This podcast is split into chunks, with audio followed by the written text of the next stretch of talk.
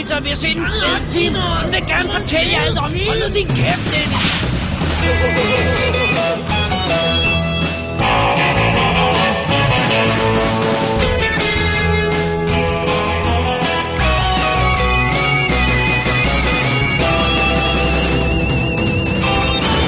Double D's Definitive DVD podcast. Velkommen til WD's Definitive DVD podcast, episode nummer 152. Thirsty maybe? Curious maybe? Mit navn er David Bjerre, Og jeg hedder Dennis Rosenfeldt. og i dag så, øh, så er det endnu en Double D episode, hvor vi kommer godt rundt i universet, tror jeg, vi kan, vi kan sige. Det kan vi Vi sagtens. skal til 30'ernes USA med en øh, klassiker of sorts, Ja, og vi skal til Chile med en anstrengende instruktør. så det tror jeg roligt, vi kan, vi kan love. ja.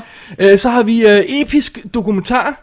Vi har, øh, vi har hygge, hyggetur med en kanibal. Det er også godt. Så har vi øh, gensyn med en øksemorder, kæmpe æderkop, og det mest skræmmende af alt. Børn. Ja. Det er det mest skræmmende. Er der nogen, der spørger, vækker dig klokken to om natten og siger, hvad er det mest skræmmende i verden? Børn. Det sidder Dennis roer, når han vågner. Det er for meget, Åh, kids! børn, børn, ah, ah. Oh, der er ikke nogen, der er ikke nogen, det er godt. Jeg har ikke nogen, det er godt. Alrighty. uh, vi er i gang med, med en, en almindelig Double D episode, Dennis. Det er vi nemlig. Men vi skal jo lige, uh, inden vi kommer, kommer sådan rigtig i kødet på anmeldelserne, så har vi lige lidt uh, feedback, vi skal have med.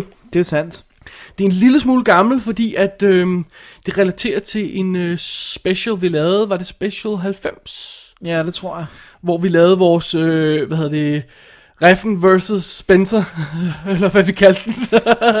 hvor vi sammenlignede øh, Only God Forgives og God Forgives I Don't. Ja, For no apparent reason, Ja. andet end vi kunne. det er sandt. Øh, og i den forbindelse, der fik vi lidt øh, feedback fra vores øh, gode øh, fellow podcaster, må vi hellere Ja. kalde ham, øh, Bo Plantin, Det er sandt. som jo laver, øh, Snaps i bollerne, det var den hedder, ja, som er en comedy podcast. det er det. Og, øh, og så, så fik vi en lille, øh, lille feedback fra ham. Ja. Okay, en stor feedback. En stor feedback, ja. og øh, vi tager ikke det hele. Altså, noget af det er, at han skriver, at vi er fantastiske, og han synes, de, vi er de bedste anmeldere, øh, anmeldere nogensinde. Det simpelthen. Og lad os lige holde det i tankerne, specielt i en kommende kritik. Præcis. øh, nu har jeg lige hørt jeres Reffendims. Ja, nu, det, det, nu starter vi. Ja, nu starter vi, hvad han Alright. siger. Så han, han kommer og siger nogle ting, og jeg tror, vi afbryder undervejs, for lige at få nogle pointer med undervejs. Ja, og, og så fortsætter det, vi, og det er langt, men det er interessant. Ja. Så Og vi vil gerne svare på det, der bliver lige præcis, så, så let's stick with it. Okay, Ja. here we go. Bo siger, Jeg har lige hørt jeres øh, Reffendims vedrørende Only God Forgives, og jeg synes, I kommer til kort i ny og næ, når det drejer sig om de der film, der prøver noget andet. Jeg synes, det er helt hen i skoven at sige, at Only ikke er en film, for eksempel. Naturligvis er den det. alright, break. Jeg sagde, at, øh, jeg, jeg ved ikke, om du støttede mig i det, men jeg sagde i hvert fald, nu skal jeg nok tage det på mine skuldre, at, at uh, Only God Forgives ikke er en film på samme måde som en, uh, en klods metal og en uh, klump plastik og en glasrude ikke er en bil. Altså, du, det, jeg har ikke lige sagt det sådan, men jeg er jo Nej, jeg, jeg, jeg vil gerne ved det. Det er mig, jeg der er enig med dig. Jeg er enig med Du er dig. enig med mig, men jeg synes, at det, hvis det er nogen, der skal have det i hovedet, så er det mig, så det, det, det, selvom du støttede mig. Alright, go. Øh, det er bare ikke en film i den normale forstand. Og jo, jo, klart nok, jeg har selv haft samme tanke, som I nævner om, at Reffen måske synes, at hey, den der drive, den var godt nok lige lidt for populær. nu skal jeg med med jeg. Den tanke har jeg haft. Alright. Og selvom Reffen måske har haft den tanke, ja, det vil jeg skide på, for jeg vælger, som man jo gør som dannet filmseer, at gå til værket med åben sind. Og jeg synes absolut, at Only var pisse interessant. Altså Only God Forgives. Only God Forgives, ikke, ja. ikke Only hver gang. Nej, okay. Var pisse interessant. Den var vanvittigt underfortalt, men det kan jeg generelt godt lide. Den var helt uforståelig, men jeg kan godt lide at blive revet ud af min egen indbildte selvsikkerhed en gang imellem. Og den var helt igennem nærmest fjollet simpel, som noget, der kan skrives ned på fire linjer. Men den simplicitet har vi nogle gange brug for, synes jeg. Jeg kunne sagtens gå længere ind i, hvorfor og hvorledes jeg forstår Only God Forgives, men det vil komme til at blive rimelig navleknipende, eller hvad man kalder det. Så jeg vil lige sige, at jeg synes, at vi prøvede så vidt muligt at gå med åben sind til Only God Forgives.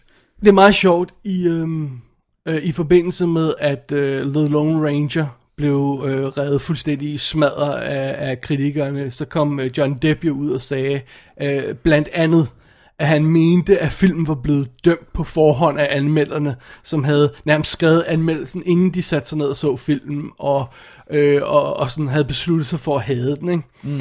Og, og, og øh, det er selvfølgelig fuldstændig forkert, og det er ikke det, Bo siger her, vil jeg lige understrege. Nej, nej, nej. Nu, nu tager jeg bare lige et ekstremt eksempel på det, Ja, ja. men jeg vil bare lige understrege, at jeg aldrig nogensinde sætter mig ned og ser en film med den tanke, at nu skal jeg have halvanden times ubehag, fordi de har fortalt, fortalt noget dårligt.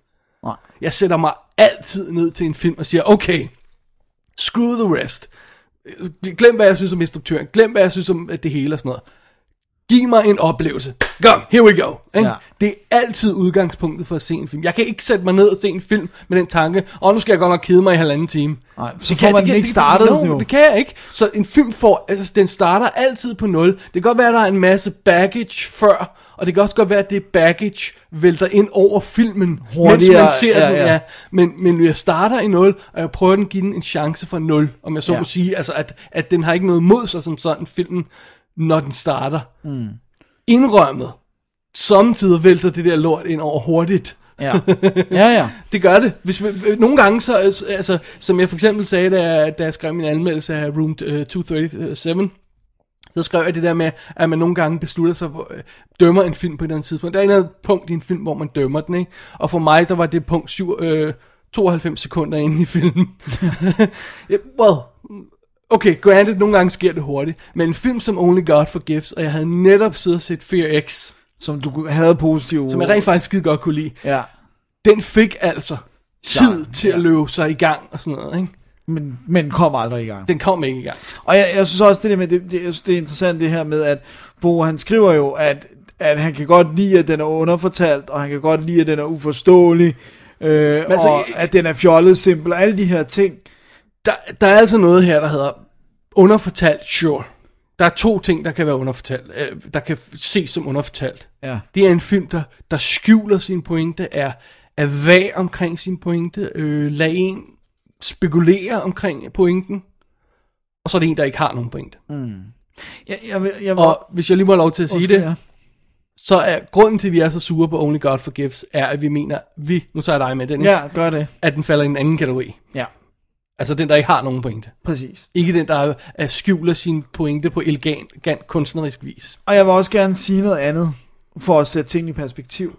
Hvis nu, at den her film, den kun blev vist på Louisiana, og jeg kom ind til den som, det her det er en kunstfilm, ligesom Stan Brakhages film, som jo ikke har nogen historier, som er kunstfilm, der skal vises på kunstmuseer, eller du ved, prætentiøse steder, hvor folk de sidder og piller navleuld ud. Ikke? Altså, det, hvis, den havde, hvis den ligesom havde sagt, jeg er en kunstfilm, det er ikke det, den gør.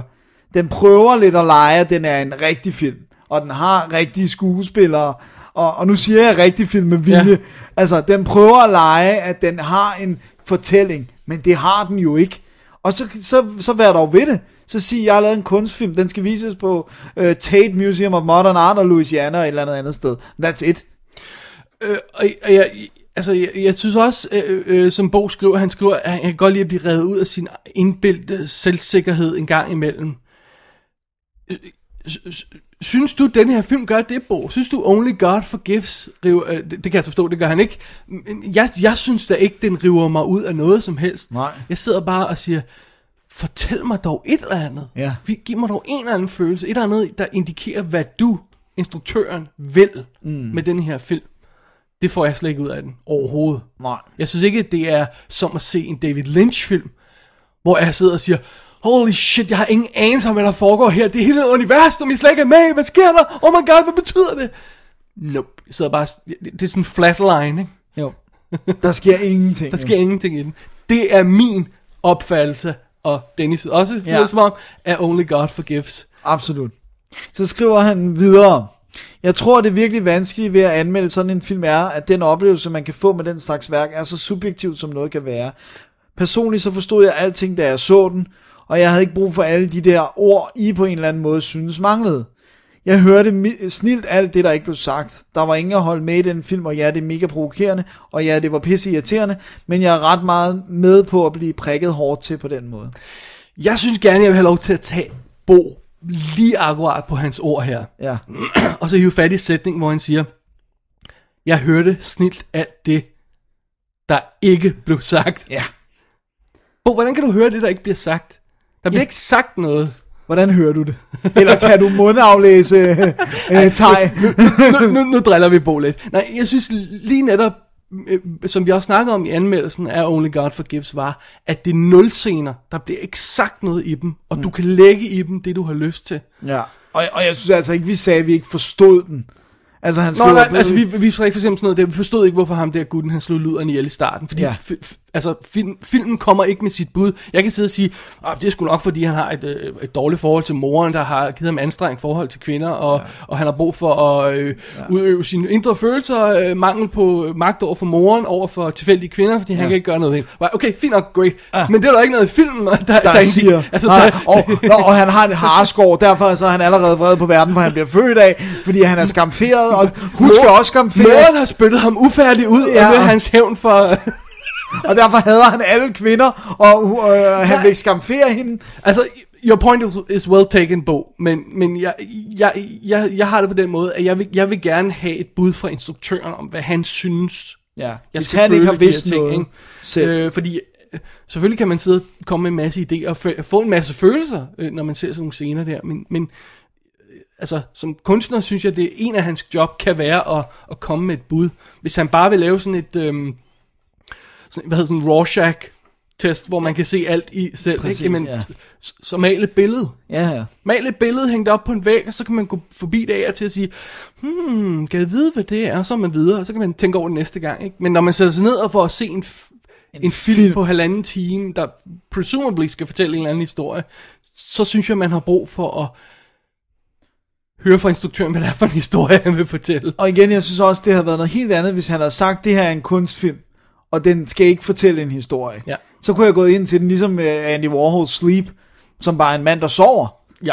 Du ved, fint nok, der er ikke en historie, men, men han prøver heller ikke at påstå, at den er der.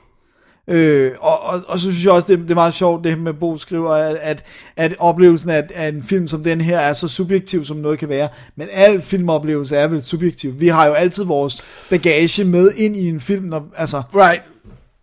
Øh, Men måske i ekstremt tilfælde. når, når canvaset er tom for Ja. historie, så er det klart, at du har mere med. jeg, det jeg, jeg tror, det er mere sådan, vi skal forstå det her. Okay. Ja, ja.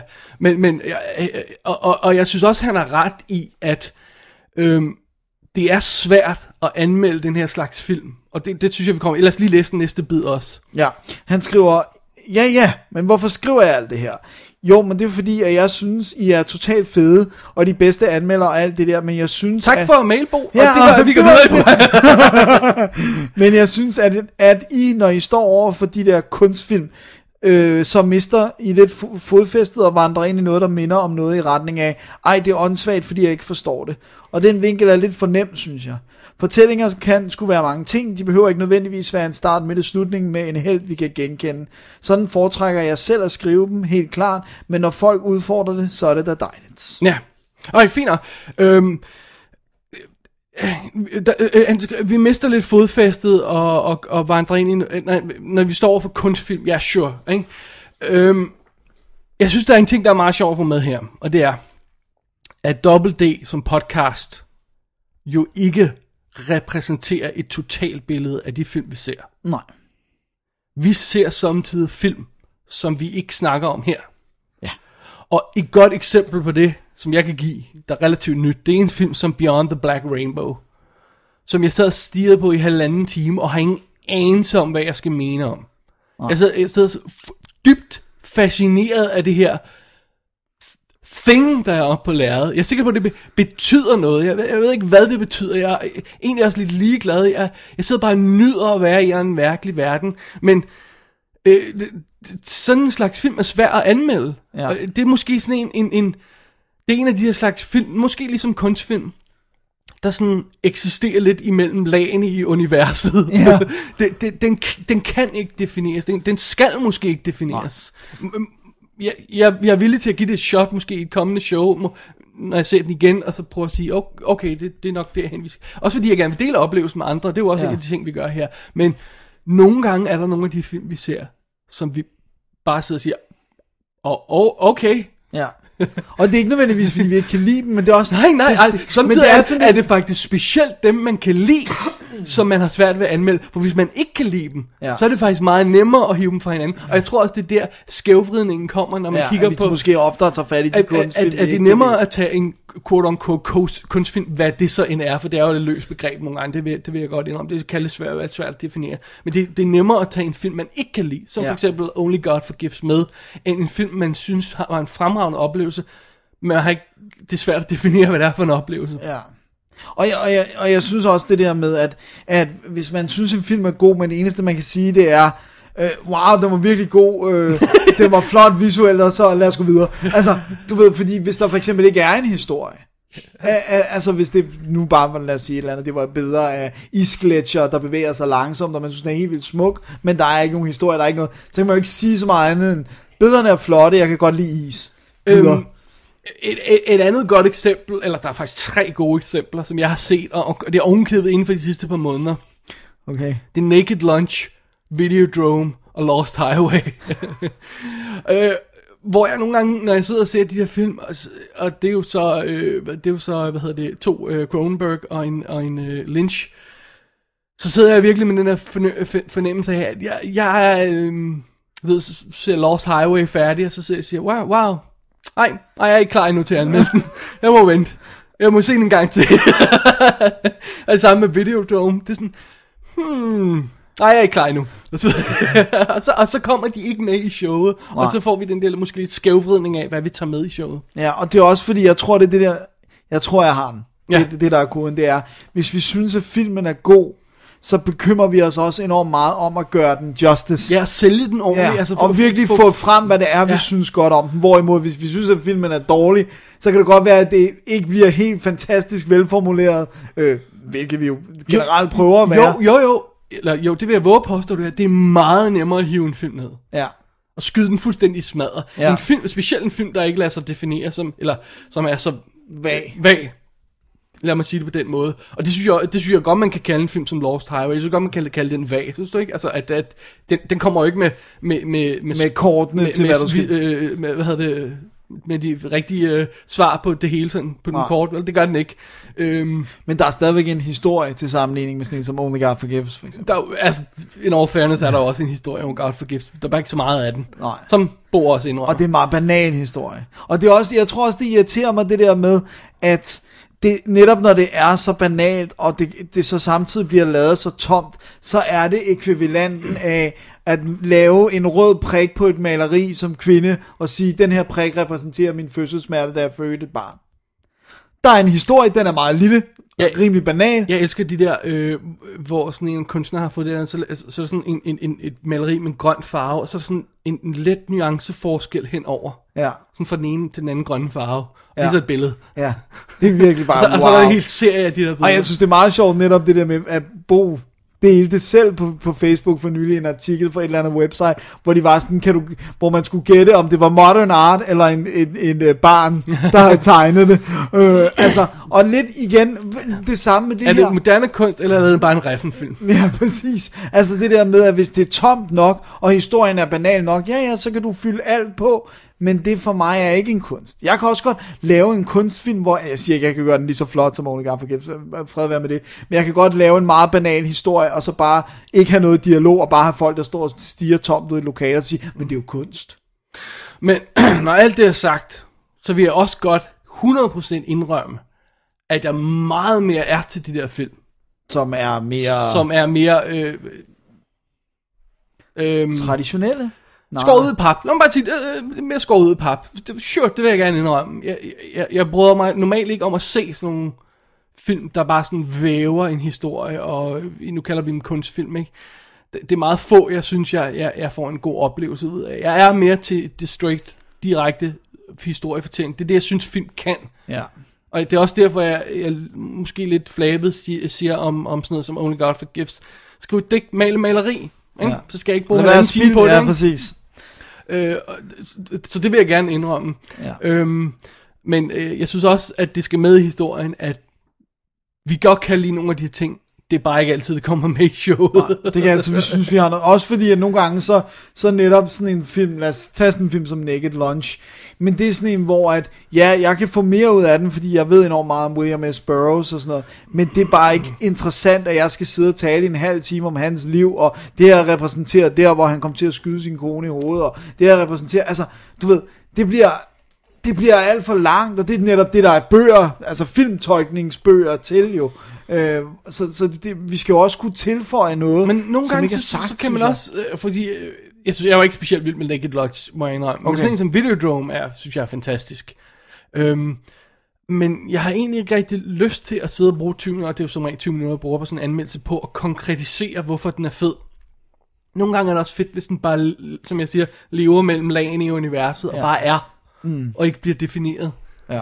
Det er rart at sidde, så kan man sætte sig ned og se øh, øh, Videodrome en gang med og sige, wow, Ja. og så er man videre i sit liv, ikke? Eller Lost Highway og sådan noget, og siger, what the... Ja. Ikke? Det, det er også meget fedt nogle gange. Nogle gange er, er, er, kan det også være en byrde at skulle sætte sig ned, og så komme med en konkret mening ja, om en film. Ikke? alting. Og, Og, så, så, og det er så derfor, de bliver sprunget over nogle gange, ja. de der. og for the record, så elsker, elsker, elsker jeg Naked Lunch. Okay.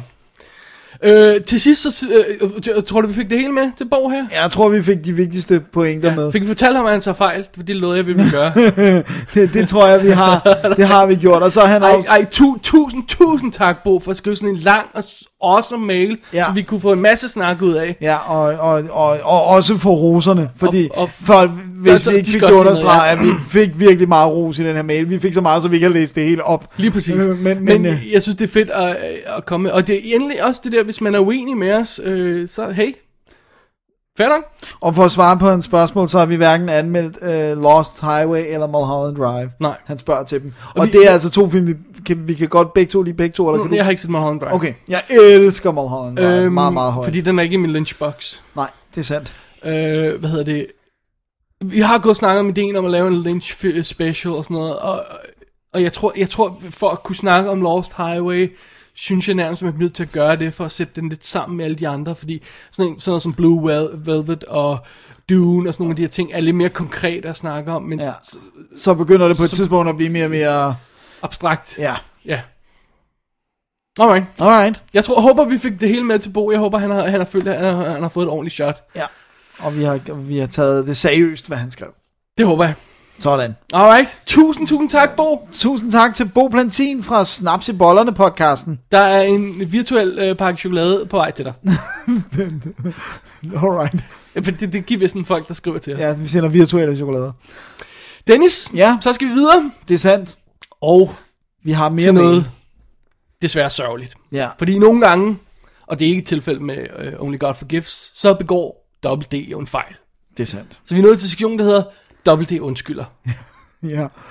Og øh, det er noget, der smerter os. Det er ja. noget, der, der hviler tungt på os. Ja, vores skuldre er tynde. God Forgives. Præcis. Øh, og, øh, og tiden er kommet, hvor vi må melde tone klart flag og, Ja. Og melde klart ud, hvad det hedder. Ja, vi må, vi må kaste os næsegrus og sige undskyld. Vi må falde på vores svær, Dennis. Ja, vi må tage det sorte armbind på. Vi må øh, åbne venen i... okay. Okay. Alright, here we go. Here we go. Hvad har vi gjort, Dennis? Vi har lavet et Halloween-show. Ja, Og det skal vi jo ikke det, det vil jeg ikke undskylde Det skal for. vi ikke undskylde for. Der er også mange film. Men, da vi lavede det, Ja. der glemte vi at nævne, at vores kære, faste lytter Og Sugar Daddy. og Sugar Daddy, Lars Detlefsen, havde foreslået os at lave et Halloween-show. Okay. Og credit where credit's due, plejer vi jo altid at sige, at når nogen har foreslået noget, øh, og vi så tager det op og gør det, så skal vi selvfølgelig også huske at nævne, Ja. at det er dem, der har foreslået. Simpelthen. Double D undskylder. Øh, det øh, pressenævnet har, har bedt os om at, at, at, at, at sørge for at få det med i det her program. Øh, ja, Ja. Så vi undskylder til Lars Detlefsen. vi, vi, er, vi er ikke værdige. Vi er ikke værdige Nej. til, Sådan er din, det. til din uh, glæde og, og sådan noget. Så øh, husk at hente øh, Lars Detlevsens Hollywood, øh, hvad hedder Hollywood Halloween Special, som, øh, som var en af vores øh, forrige shows. Ja. Og lyt til den. Hvis og, ikke ovenkøbt det forrige show. Jo, ja. Og når I lytter det, så have i mente, Ja. hvem det var, der foreslog det. Og vi ville ikke have haft det show uden forslaget. There you go. Double D undskylder. Undskyld. Og, og, og med de toner, Dennis, de, Ja. øh, de toner, de undskyldninger, ja, ja, så, øh, så, Så er det jeg, tid til at anmelde en film. Ja, det tror Ingen jeg. kunstfilm i, i, i dag. Nej. Screw dem. kun film, der handler om noget i dag. Ja, kun film, der handler om noget. Alright. Skal Alright. vi gå i gang med programmet? Lad os gøre det. Skal vi ikke have et break inden? Jo. Jo. Nå, men Det var også det, jeg holdt, jeg holdt Ja. min mund. Du begynder bare at snakke Nej, men altså, så okay. Vi går i gang med programmet, og, og øh, det er den sektion, vi har. Det er den, der hedder film, vi har set i den her uge, selvom at de ikke er nye, men øh, vi har set dem alligevel. Og så må du gerne trykke stop nu. Det gør jeg. To be perfectly honest, I did have a slightly ulterior motive. I was wondering if I might ask you a little favor. Favor. Yeah. You see, I'm kind of a night person, and I was wondering if you might wait a little bit before you start using the power tools. Sorry. Oh, no, no. It's not your fault. It's just the walls here are so terribly thin. Really? It's like you're in the same room. But if it's too much trouble, I understand. No, it's no trouble at all. I got a lot of stuff I gotta do here. You're doing all the work yourself? Mm. That is so amazing. I am so in awe of people who can fix things. My dad was like that. We never had anything new. Whenever anything was broken, he would just open it up, tinker with it a little bit, and fix it. His hands were magic. Vi starter, Dennis, Ja, dagens program med en dokumentar. det er sandt. Ikke en af de korte af slagsen. Det kan man vist roligt sige, den ikke er. Fordi at jeg har altså haft fat i Never Sleep Again, The Elm Street Legacy, som spiller 240 minutter. Det er fire timer. Ja, Okay. Øh, jeg vil starte med at sige, at på DVD'en er der alt muligt, altså der er den delt op på alle mulige forskellige måder. Det er noget med, nogle af interviewsene ligger på skive 1, og noget på skive 2, og alt muligt ekstra og sådan noget. Det er ikke sådan, jeg har set den. Jeg har set den som en lang, kontinuerlig dokumentarfilm, som ligger på Hulu+. Plus. Okay. Så det hænger mig ikke op på, hvordan det er delt op på DVD'en og sådan noget. Men, men jeg har set den i sådan, som, hvor den var som en film. Og øhm, det, er jo, det er jo kæmpestort at sætte sig ned og se en fire timer lang dokumentar om, om Street-serien.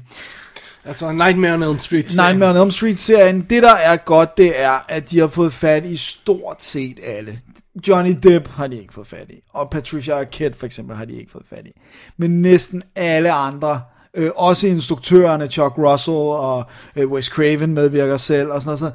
Så, så, og Rennie Harlan og Bob Schaefer, som jo startede New Line Cinema og sådan noget. Så der er mange mennesker med. Så er det Heather Langenkamp, som jo spiller med i den originale og også i toren eller undskyld, også i træerne, hun er ikke med i toren, øh, som er fortællerstemmen. Så vi har Nightmare, before, uh, Nightmare on Elm Street Hmm. fra 84, og så har vi op til og med hvad?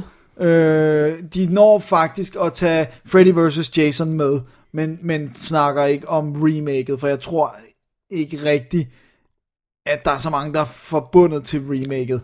Jeg tror også, den er lavet efter, ikke? Den ikke? Jo, Eller måske, altså jeg ved godt, den er kommet ud i... Uh...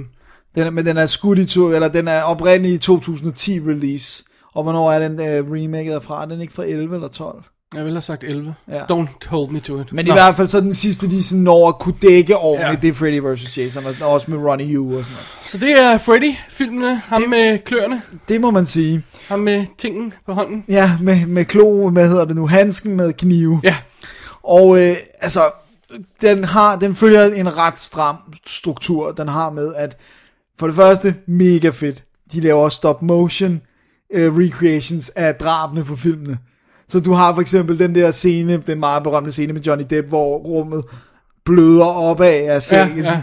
Det er lavet i stop motion, og What? du, du har hende, der bliver slæbt rundt på væggene for etteren, lavet i stop motion. Hvorfor vil de ikke bare klippe? Men det gør de også, men det er bare ligesom som sådan en sjov lille gimmick. Det er jo fordi, der er en af filmene, der har en stop motion sekvens, hvor Freddy er repræsenteret som sådan en skelet. Er det det er træeren? Ja. øh, jeg tror, det er derfor, de sådan har tænkt, ej, det kunne sgu være meget sjovt at lave det. Så det er sådan noget brugt som sådan chapter Ja, og ting, præcis. nærmest. Ja. Og så er der også for eksempel, så, så, øh, så er der deciderede chapters, der er lavet som stop motion, hvor han skriver noget med kløerne. Altså han riser noget ind i en væg, eller i, en, i hud, eller en tavle, eller whatever. Alright. Og så har man sådan filmen, og så rigtig fedt, alle karakterintroduktionerne, det bliver, der bliver manusbeskrivelsen af karakteren læst op af skuespilleren, der har læst den. Så Heather Langenkamp, hun læser, Nancy is a perky young girl, whatever der nu står. Og så ser man hende, hvordan hun ser ud i dag, og hvordan hun så ud i filmen. Ah. Og sådan, det er sådan en meget fed måde at få det sådan introduceret på, og det der med, at de får lov, for der er jo mange af dem, har man jo aldrig set siden, så det er sjovt at se dem som voksne, de her skuespillere, og de sidder og fortæller, hvordan det var at arbejde på den og sådan noget. Og så er der det, der gør den rigtig værd at se, det er, de går ned i the nitty gritty details. Hvordan lavede de hende, der bliver trukket rundt på? Altså, vi ved jo godt, hvordan de gjorde det, men de fortæller om, da de optog det, og hvordan det gik fuldstændig galt, fordi ting blev begyndte at rive sig løs fra sættet, og det væltede rundt med blod, og det hele var Det er kaos. roterende rum, ikke? Det er roterende rum, ja, det er Fred ja. Astaire-stilen, ikke? Ja. Øhm, men det er fedt, at de går ind i detaljerne. Hvordan lavede de det der med armene, og de snakker om, at det så allerede ridiculous, dengang vi var bange for, om det holdt, og det er sådan noget, som når jeg genser den første, det er sådan noget, der tager mig ud. Altså, der er en scene, hvor han får meget lange... Med de lange arme, der, der kommer hen og... Ja. det, det virker åndssvagt. Og, og, øh, og det, men det er fedt det der med, at Wes Craven snakker om hans inspirationskilder, og det der med, at det var vigtigt, at han var en, altså, han var en barnemorder, og hele hans forhistorie, og det der med, at han virkelig var en nasty person, hvor han så begynder at blive sådan lidt mere comedy-agtig, og han får punchlines og sådan noget, men, men udgangspunktet var det der med, at han var, var en creepy øh, barnemorder og, og misbrugte børn og sådan noget, ikke? Så, så den har Good fun, sådan- med andre ord. Good fun. Så, så uh, Never Sleep Again her tager simpelthen stille og roligt, og tager sig tid igen, fire timer, mm-hmm. men fortæller så mange anekdoter, jeg aldrig har hørt før. Også noget som, at uh, Rennie Harlan, han, han, uh, han blev ved med at komme og banke på døren og sige, hey, jeg vil virkelig gerne instruere den her film. Og Bob Shaver, han var sådan, "Hvad- This guy, han snakker jo ikke engelsk. Vi kan jo ikke bruge ham. Hvad er han? Hvorfor bliver han ved med at komme? og, og der er en af de kvindelige producer, hun siger, at han havde altid det samme tøj på, og det lugtede mere og mere. Så til sidst så overvejede hun at give ham jobbet, bare for at han kunne få et bad og få vasketøj. Han var virkelig, så han elsker dem. Og øh, han siger, det der, det er starten på hans Hollywood-karriere. Han skylder dem alt, han skylder New Line alt. Han er virkelig sådan, du ved, jeg vil ikke have nogen, den, den tid betyder så meget for mig, og de lod mig være så kreativ på den. Og det er det, alle sammen siger, det er det der med, hvor fantastisk det var at arbejde for New Line, som virkelig gav dem løse tøjler, altså inden for hvad budgettets rammer nu Så kunne det holde. er ikke en god idé, uh, at producer, som ikke ved noget om film, øh, bestemmer alt, og det hele bliver afgjort af en komité, der har, lavet, har et uh, Excel-ark med sådan noget. Nej, Præcis. det er ikke en god ting. Nej, og det er jo også det der med, at How about that? Hvorfor bliver man så ved med at gøre det, Dennis? I have no idea. Alright. Men det er jo også det med, at uh, Bob Schaefer, som, som jo også medvirker i dokumentar, altså han ville jo også gerne selv lave film, så han var jo ikke bare en money man. Han startede det her af hjerteblod, og, og New Line Cinema startede jo med en bitte små ting, og de, er, de siger også flere gange det der med, og det er også det, der er en anden dokumentar, der hedder New Line er the house that Freddy built. Det var Nightmare on Elm Street succeserne, som gjorde, at de kunne begynde at skyde penge i det. Så kommer der en sjov lille detalje. Peter Jackson skrev et manuskript til en af dem, som ikke blev brugt. Der er linket til Ringenes Herre. Boom. Det Var er det for så dårligt? sjovt. Var det for dårligt? Var der for mange hobitter i? Nej, det var der for mange. Det var, det var helt vildt bleak. Det var sådan noget med, at Freddy var blevet gammel, og der var ingen børn, der var bange for ham længere. Så han var sådan en gammel krøbling, der gik rundt, og hvor de tauntede ham i drømmene. Så det lød som et helt vildt fedt Gud, det lyder sjovt. Men bare sådan, som tog det lidt for langt væk fra, hvad det måske skulle være. Ikke? Alright. Hvor han så får slået en ihjel, og så for dag, så begynder de at frygte ham, og så får han styrken igen og sådan noget. Det lyder da, hvorfor, det, det, hvorfor skulle det være langt væk fra, hvad det skal være? I don't know. Det, der lyder da godt. Men, men i hvert Make fald... it. det er jo ikke min skyld. Jeg har bare set, men det var sjovt, fordi jeg har altid tænkt, hvordan havnede han hos New Line og, og hvad hedder det nu, Ringnes Herre og sådan noget. Men det, ring, øh, var, var det sådan, det fungerede? Var det ikke ham, der var interesseret i Ringenes Herre, så New Line, der havde øh, rettighederne? rettighederne, øh, ja, det, Det var, det, kommer ikke, det var ikke fordi New Line havde rettighederne, han blev interesseret i den, vel? Det var vel uafhængigt af, var det ikke? Jo, jeg, nej, jeg tror, han interesserede sig for Ringnes Herre og fremelskede projektet, og så Og så havde New Line Ja, rettighederne. ellers så fik han dem på. Men det snakker de jo ikke så meget om okay. i dokumentaren. Men det er mere det der med, at det er sjovt, at han allerede i 80'erne har været i kontakt med New Line, og det er helt tilbage i sådan 3-4, eller det må være sådan 5, 86, 87. Og så er det sjovt det der med, det har jeg jo ikke, det har jeg jo ikke en reel fornemmelse af, når man sidder og ser dem i dag, hvor tæt på de kom på hinanden i starten. Altså sådan, du ved, Freddy 1 og 2 og 3 og 4, det var virkelig sådan, og jeg tror det var femeren, hvor det var sådan noget med Valentine's Day, det vist i februar, der øh, fik de at vide, at de skulle lave femmeren, og havde ikke et færdigt manus, og den kom ud i august.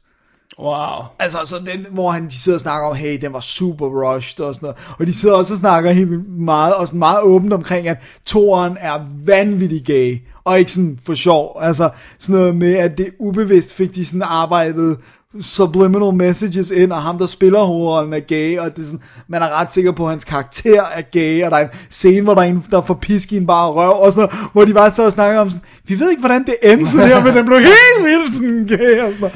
Men vi var enige om, at træeren var den, den the finest hour, ikke? Treeren og er- træeren og firen var også gode. Så var det, var det femmeren, hvor den røg begyndte at ryge af igen. Ja, femmeren begyndte at være sådan virkelig, og så sekseren synes jeg er cool, Freddy's Dead. Men den har vi ikke anmeldt nu, Dennis. Den, Det er må, rigtigt. den må du holde dig Det må jeg lige med. lade være med at sige meget. øh, sidste, altså, men det der er fedt i Never Sleep Again, det er, altså mængden af anekdoter har næsten ingen ende. Det, det, altså, der, der er jo så meget tid. I virkeligheden burde alle franchises jo have sådan en kæmpe dokumentar, når de var sådan blevet lagt i seng, om jeg så må sige, når, når de var færdige, ikke? Altså, Jo. øh, det er det, vi tit snakker om, øh, når, når, når der kommer sådan en øh, Indiana Jones, og så er der du ved, tre-fire små featuretter på det ene, og, og noget på det andet, og så en, en, en, en vintage ting, og sådan noget. Nej, lav en fire effing timers dokumentar om det, ikke? Og så få, sige det det. Ja, fordi det er alligevel, det er, jo- det er jo så otte film, de snakker om. Så det er jo, altså, det er jo en halv time til hver. Selvfølgelig er det det fordelt, ikke? Men, men det er jo masser af guf og sådan noget. Også noget som er... Ja, så kan du linke det sammen på tværs af, hvordan den Ja, ene går og- videre i den næste, og sådan noget, ikke? Præcis, og alle instruktørerne, Chuck Russell snakker også om, hvor, altså, hvordan han virkelig fik lov til at afprøve nogle ting og sådan noget. Mega sjove anekdoter med, at Dream Master 3'eren, som er jo, altså virkelig er, er min favorit, hvor det var den første film, hvor at VHS-båndet havde en musikvideo med.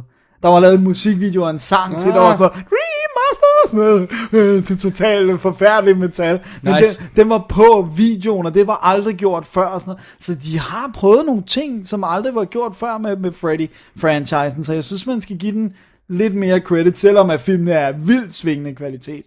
Og vi Så- så, hvad? Vi så de fem første Vi til så de special, fem første ikke? til special. Så altså, hvis man bare har, selv hvis man ikke engang er specielt stor på, på uh, Freddy-filmene, men bare gerne vil se noget om, om filmmaking og skuespillere og choices og alt sådan noget, og altså episke 80'er effekter med stop motion og matte paintings, you name it, så skal man altså sætte sig ned en god eftermiddag og se Never Sleep Again, The Elm Street Legacy, som jo så spiller de der fire timer, ikke? Og øh, den er så ude på DVD og Blu-ray. Blu-ray, Ja. øh, og så øh, du så den på Hulu Plus. Ja, hvor ja. den også var i HD, men, men du ved, der er øh, på DVD'en, der er der den første skive med dokumentaren, og 106 interviews står der, der er. Ja. Og så anden disk, den har extended interviews, og øh, 5, 6, 7 featuretter af forskellige længde, så altså endnu mere guf. Så absolut værd at tjekke ud. Er den i boksen? Nej. Jeg ved ikke, om den er blevet smækket i den nye Blu-ray-boks. Det står der ikke noget om Okay, her. nej, det er den garanteret. Jeg tror, at den er udgivet solo, fordi den ikke er produceret af New Line. Jo. Det er fint nok, så, så føler man sig heller ikke røvregn ved at skulle, så kan man gå ud og købe den separat, hvis man gider, og så, hvis man ikke gider, så har man den ikke. Ja. Og så er det heartbreaking at se Bob Schaefer snakke om, hvordan New Line blev flået ud af hænderne på ham. Han har virkelig tårer i øjnene, og de alle sammen siger, at det bliver aldrig det samme, fordi han havde den her passion for film. Det er ret sad, at de sidder altså og snakker om, hvor meget de skylder ham, og så har han bare fået flået firmaet ud af sine Det er, jo, hænder. det er jo bare en brevordner, der står hos Warner nu, ikke? Ja, jo, Line. de bruger jo aldrig logoet. Så, alright. Alright, så Det var uh, Never Sleep Again. værd at tjekke ud. Så skal vi til Ja. noget helt andet. Vi skal i i change of pace, som vi plejer at sige. Ja, Uh, vi skal i uh, en helt anden retning, og vi skal vi er helt anderledes seriøs. Ja, det ved jeg ikke, om vi skal. Det var også rimelig seriøst. Ja. Uh, og vi skal til fortiden. Helt nærmere bestemt skal vi til 1932. det må man sige er fortiden. Ja. Og vi skal have fat i I'm a fugitive from a chain gang. Som jo er en fantastisk titel var. Episk noir-titel, tror jeg roligt, man kan sige.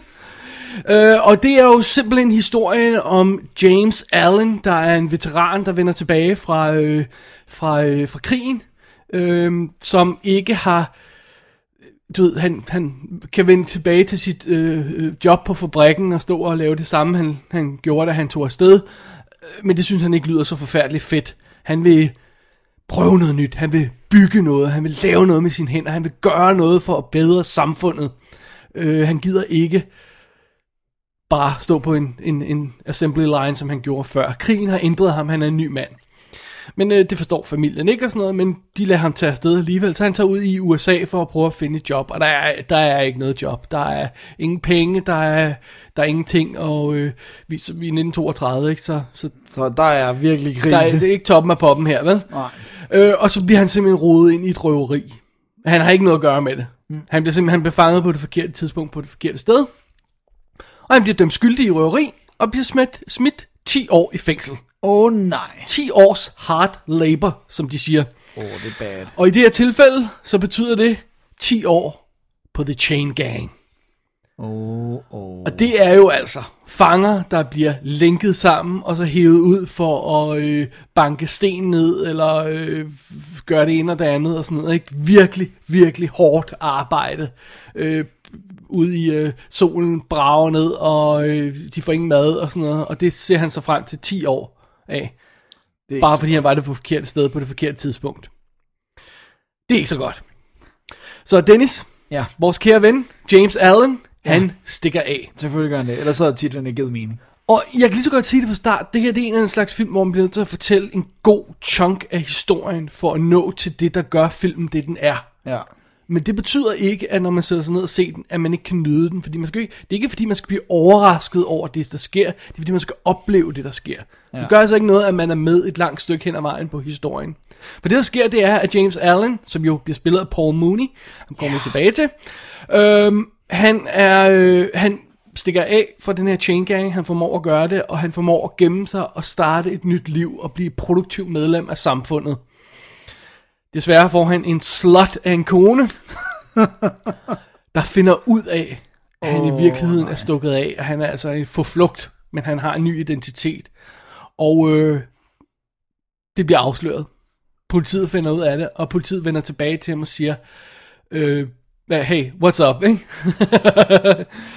og det bliver sådan noget med, jamen, hvad skal vi gøre med den her gut, der rent faktisk er sluppet af sted fra uh, Chain Gang og blevet et produktivt medlem af samfundet og har opbygget noget og øh, du ved, betaler sin skat og be- betaler det hele, men som har En lavet den her, fortid, ja. stukket, han har stukket af fra fængsel, så han har ikke, i princippet ikke betalt sin straf, men i virkeligheden var det jo, hans forbrydelse jo ikke så slem, øh, så på den ene, på den anden side og bla bla bla og sådan noget, ikke? Ja. Og øh, så tror jeg ikke, jeg kan fortælle mere, fordi så resten af historien det, ja. øh, skal man ligesom opleve undervejs. Det er historien i I'm a Fugitive from a Chain Gang. Oh yeah. Og den er som sagt fra 1932, øh, instrueret af Mel, øh, hvad hedder han, Mervyn LeRoy, som har øh, øh, lavet, øh, han har lavet 78 film, ikke? Okay. Der er ikke særlig mange af dem med sådan blankt Som kende. fanger fat. Ja, øh, men han har for eksempel lavet sådan noget som Little Caesar, øh, er gangsterfilm, ikke? Det er godt. Uh, han har lavet øh, 30 Seconds Over Tokyo øh, fra 44, altså øh, krigsfilm. Han er er åbenbart ukrediteret instruktør på Wizard of Oz. Øhm, så har er vist været, en del, der er, er der ikke? der er mange, der har været, men nu nævner jeg lige ham også. Ja, Ikke? ja. Øh, og så er det så Paul Mooney, der spiller hovedrollen, som jo altså øh, spillede Scarface øh, ja, samme Nok hans år. Eller, mest berømte rolle. det vil jeg våge påstå, ja. Så hun var, var en bitch at have med at gøre. Meget besværlig, meget krævende skuespiller. Var han det? Ja. Ej, efter sine. Øh, og det her, det er jo sådan en af de her såkaldte pre-code film.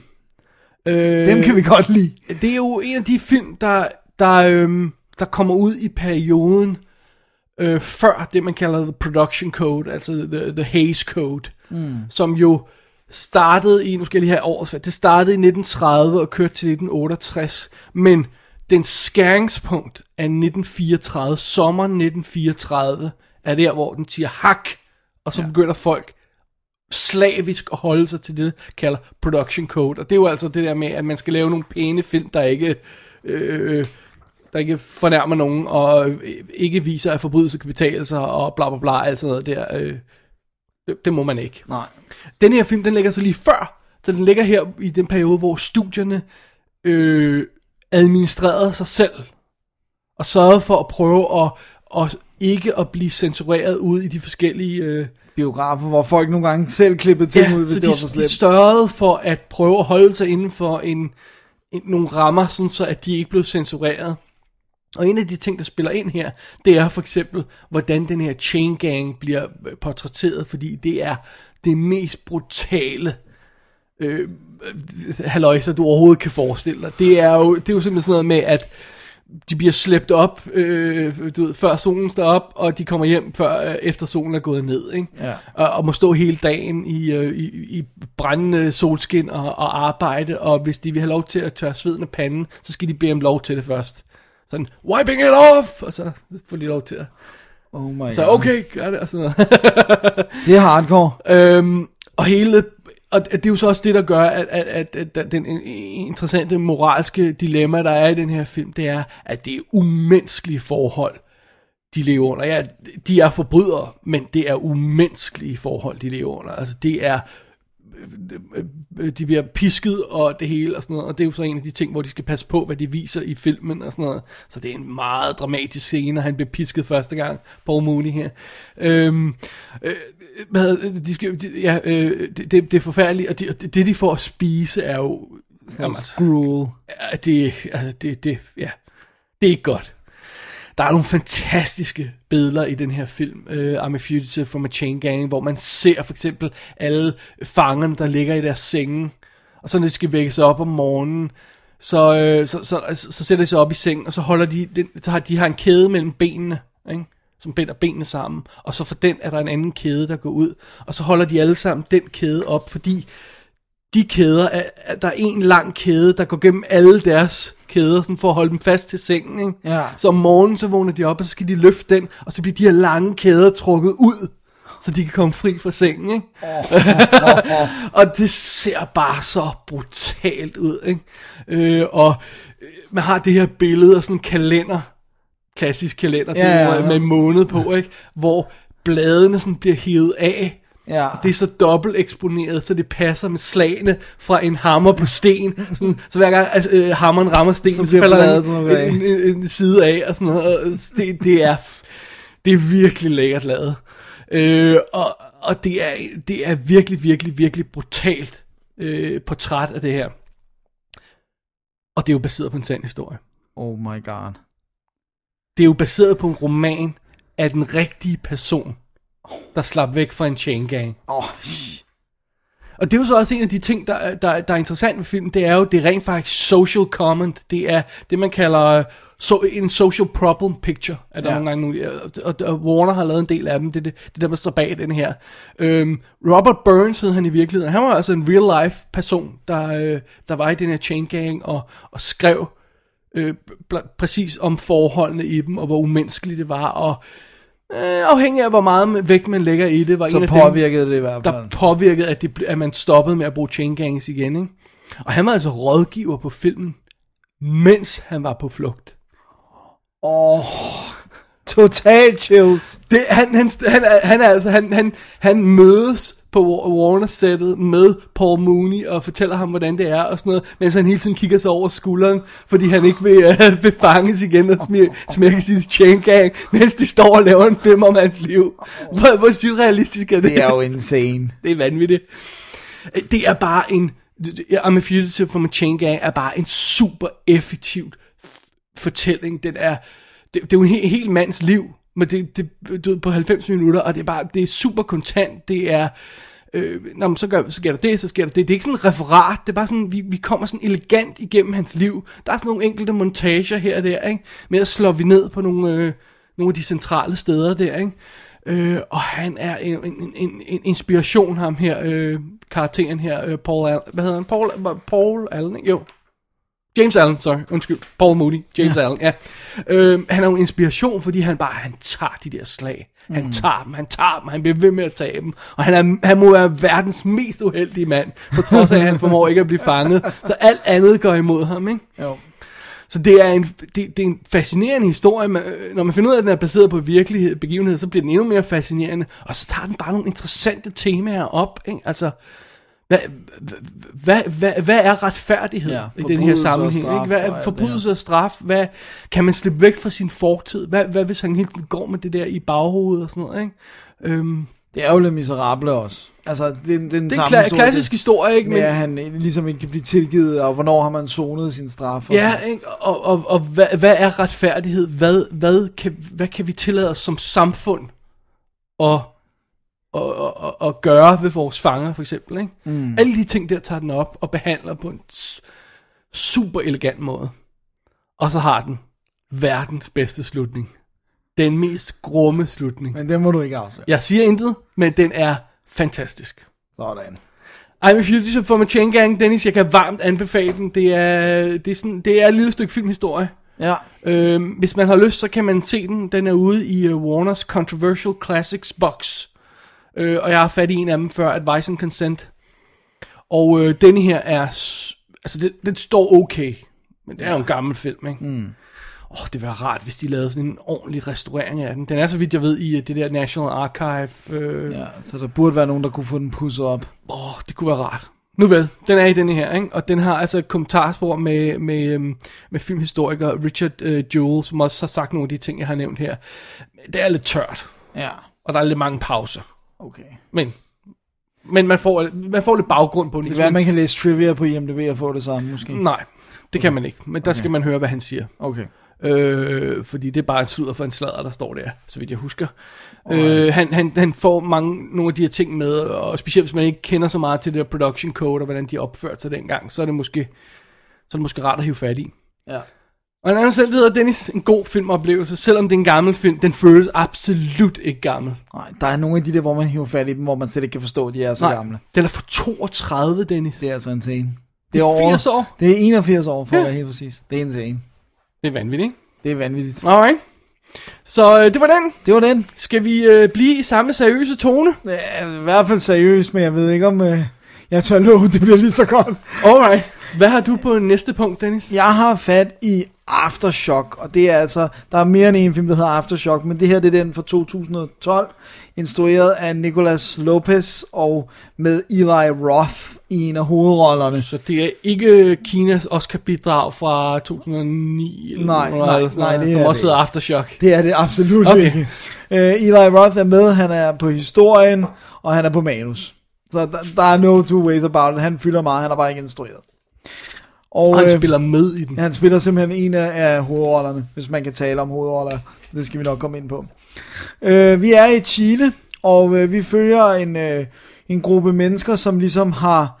Nogle af dem er gode venner på forhånd, men nogle af dem altså, har ikke kendt hinanden så længe. Men vi har Eli Roth, som aldrig får et navn, som i credits by øh, Gringo, altså fra med, ikke?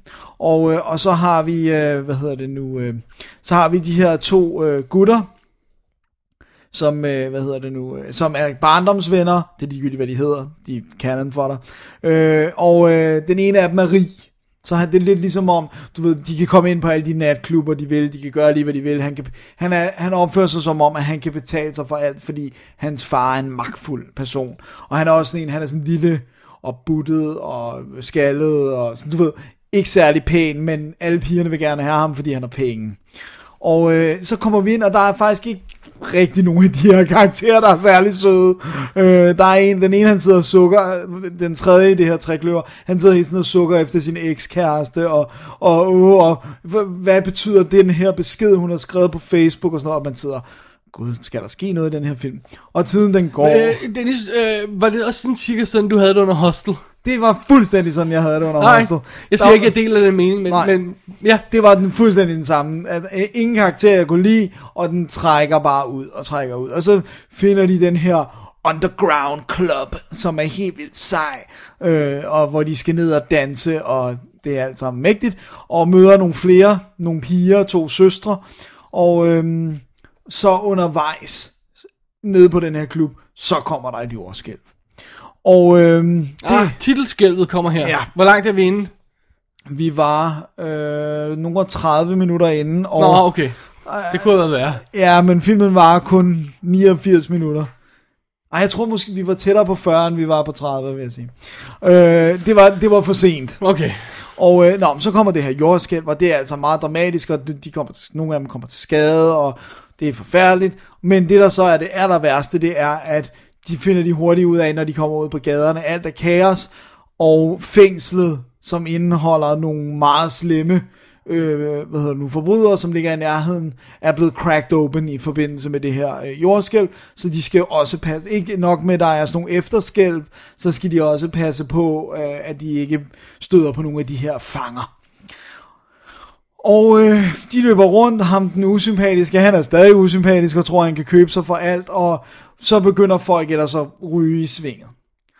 Og det, der er det største problem, det i Aftershock, øh, det er, at der er ingen, du kan holde med. Og der er ingen, der er hovedpersoner. For selv dem, som filmen antyder er hovedpersoner, slår den ihjel. Så uden at afsløre noget for meget, da vi når frem til slutningen, så er det en total random person, vi, nærmest vi følger.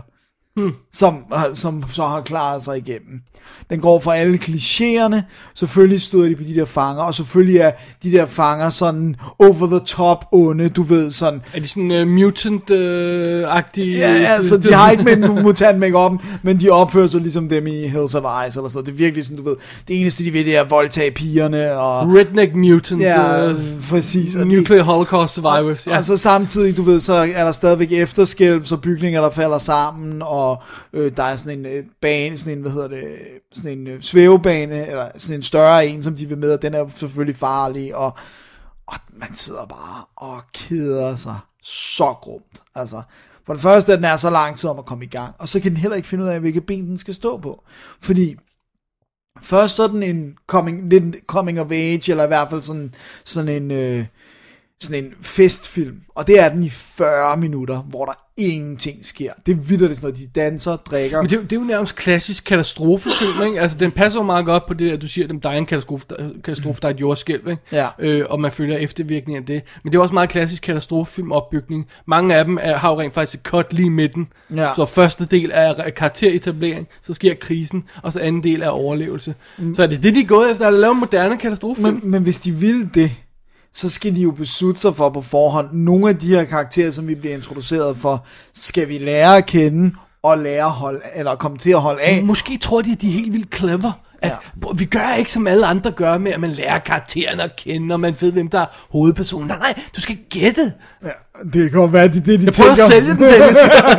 It's not working. Okay. Og, og igen også fordi, når de der skur, de der fanger kommer, så er de så over the top onde.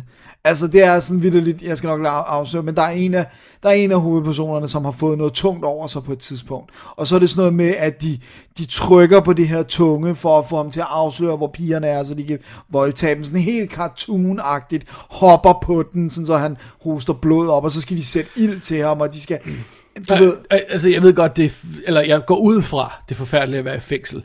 Kunne det være, at hvis man slap ud fra sådan et sted i Chile, Ja. at ens første tanke ikke var at na- voldtage nærmeste kvinde, men måske var at slippe væk med livet i behold. Specielt hvis der var et øverskæld. Kun, kunne det tænkes, at nogen vil have den motivation, at de ikke nødvendigvis vil gå efter voldtægtsklichéen? Det tror jeg absolut, det kunne tænkes. Også fordi det er, det er, det er virkelig klichéfyldt. Det er sådan noget med, de ser hovedpersonerne, og nu igen, hvem er hovedpersonerne, men de ser dem komme løbende, og så er der en af dem, der er sådan, øh, chicas, chicas, uh, okay, så løber vi efter dem. Det er sådan helt random, og der er masser af andre piger og kvinder, der løber rundt. Det er bare sådan noget med, det er, Det er ikke sådan noget med, at det er de blonde.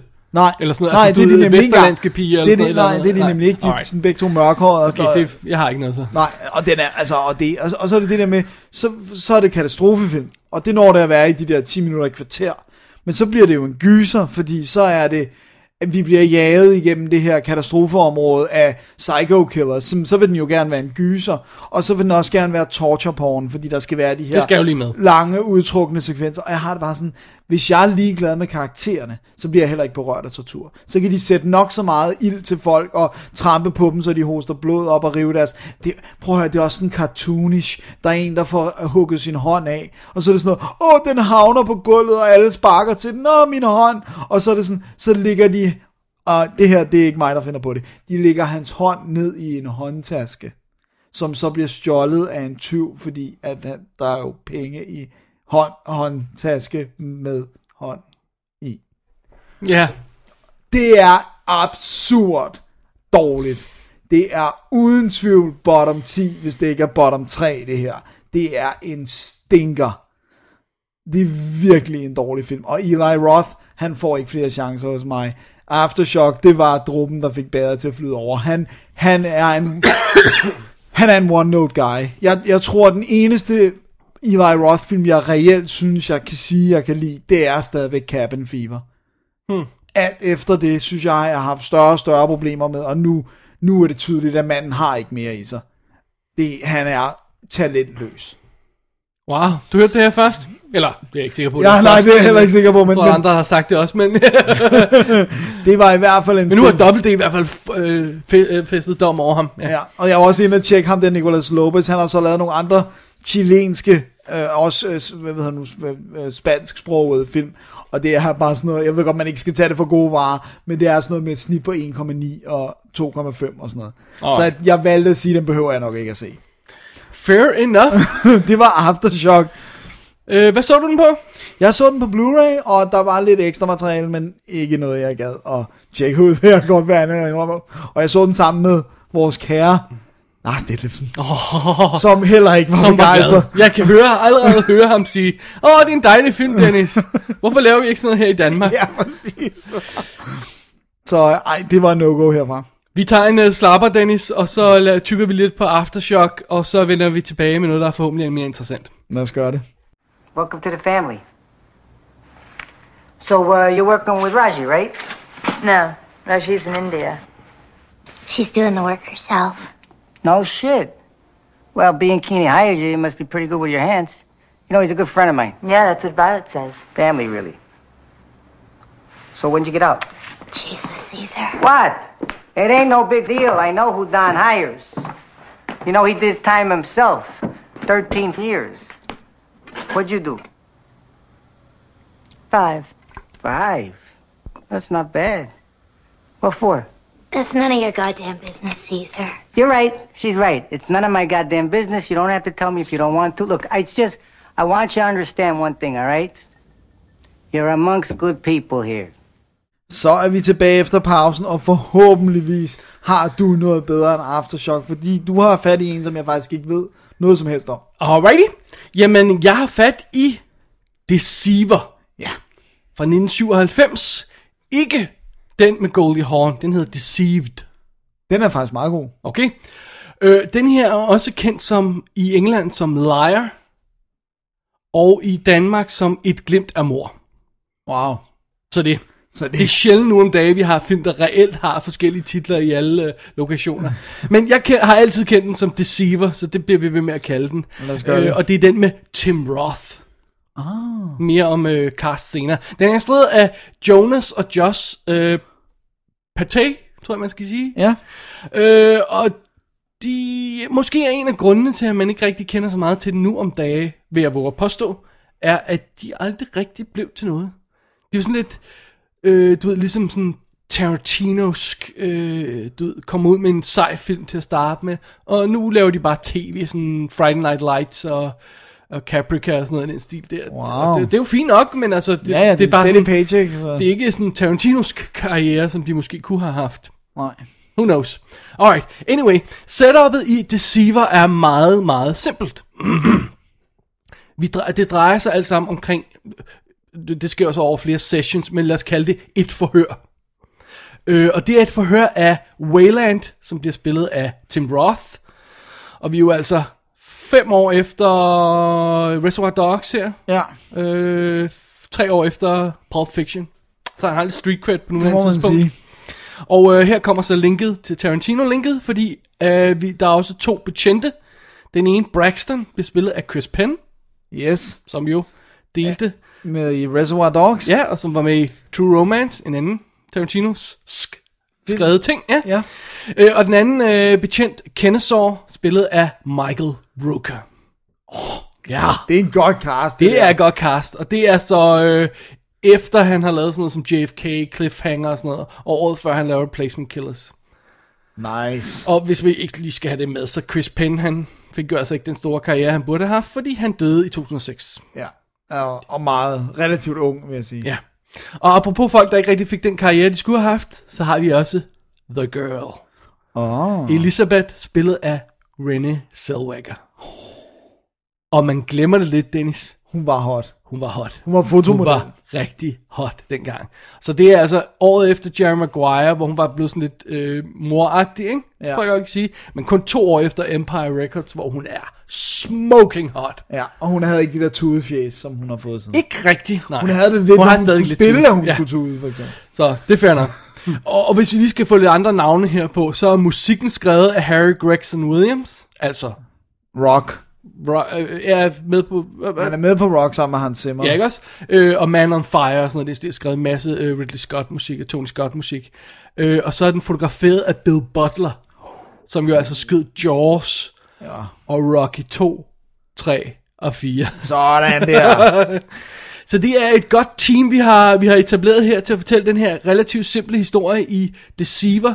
For det handler ganske enkelt om Wayland, altså Tim Roth, der bliver hævet ind til et forhør af de her to betjente. Han skal... Øhm, der er en pige, der er blevet myrdet.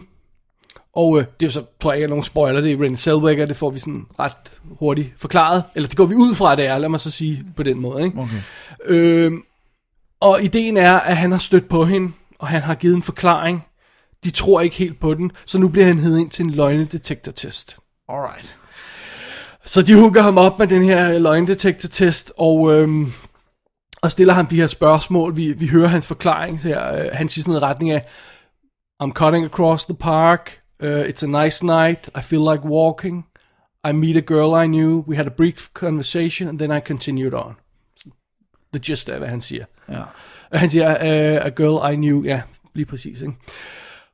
Og så, de tager hans forhør og sådan noget, og det er fint, og så siger, "Nå, men vi skal lige gøre det igen, fordi at, du ved, man skal nødt til at, være nødt til at tjekke, om det nu også er det rigtige, at vi fik fat i, så vi gør lige en gang til at se, om der er de samme spikes på og sådan noget. Ikke? Er du nu sikker på, at du sagde det helt korrekt, og øh, det hele. Og så begynder han sin forklaring anden gang, og så, øhm, Nå, men hvad gjorde hvad hende der pigen? Kendte du hende? Og sådan noget. Øh, nej, det gjorde jeg ikke alligevel. Og så ændrede han et par andre ting også. Og okay, så, så allerede her anden gang han er igennem det her, den her korte forklaring, så begynder jeg at fornemme, at han taler måske ikke 100% sandt, ham her, gutten, altså Tim Roth.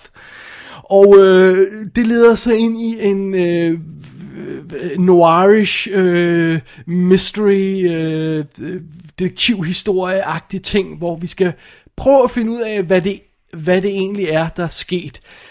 Problemet er, vi ved ikke rigtig, hvem det er, der er The Deceiver. Ah.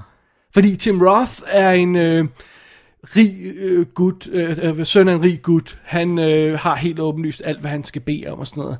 Han behøver ikke at... Han behøver ikke at kæmpe for at score damer. Det er jo så det, der er spørgsmål. Hvis man er rig, plejer damerne jo. Well, det er jo så det, der er spørgsmål. Okay. Men, men han er også samtidig syg. Han har epilepsi, har sådan nogle anfald af epilepsi. Øhm, er det sådan noget, der kan påvirke ham til at gøre nogle mærkelige ting? Han har flashes, hvor han ikke kan huske, hvad han har gjort. Så har han gjort det alligevel, og samtidig bliver det, de her to betjente etableret med nogle flashback. Vi finder ud af, at Chris Penns karakter er gambler. Og at Michael Rooker har problemer med konen, der vist nok øh, er lidt for travlt ude for ægteskabet. Um, så hvem er det egentlig, der deceiver hvem her i Deceiver? Øh, så på, på et tidspunkt begynder Tim Roth at lave mind games med dem, og vi begynder at se flashback til betjentenes historie også. Ikke kun hans. Så bliver vi finde ud af, at det er måske ikke hans historie, vi skal høre. Det er måske deres historie. Måske det er en af dem, der er noget galt med. Øh, og så, øh, så fremdeles sådan fortsætter den springer frem og tilbage, giver os billeder af noget, flashbacks til noget, flashbacks til Renée Zellweger og der er i Tim Roths liv, og flashbacks til betjentene og deres liv, og så omkører det også som til flashback inden i flashbacket til noget andet. Åh oh, nej. Og mens så har vi hele det her bundet ind i den her løgnedetektortest, så vi er ikke rigtig sikre på, at der er nogen, der fortæller det, det rigtige på noget tidspunkt.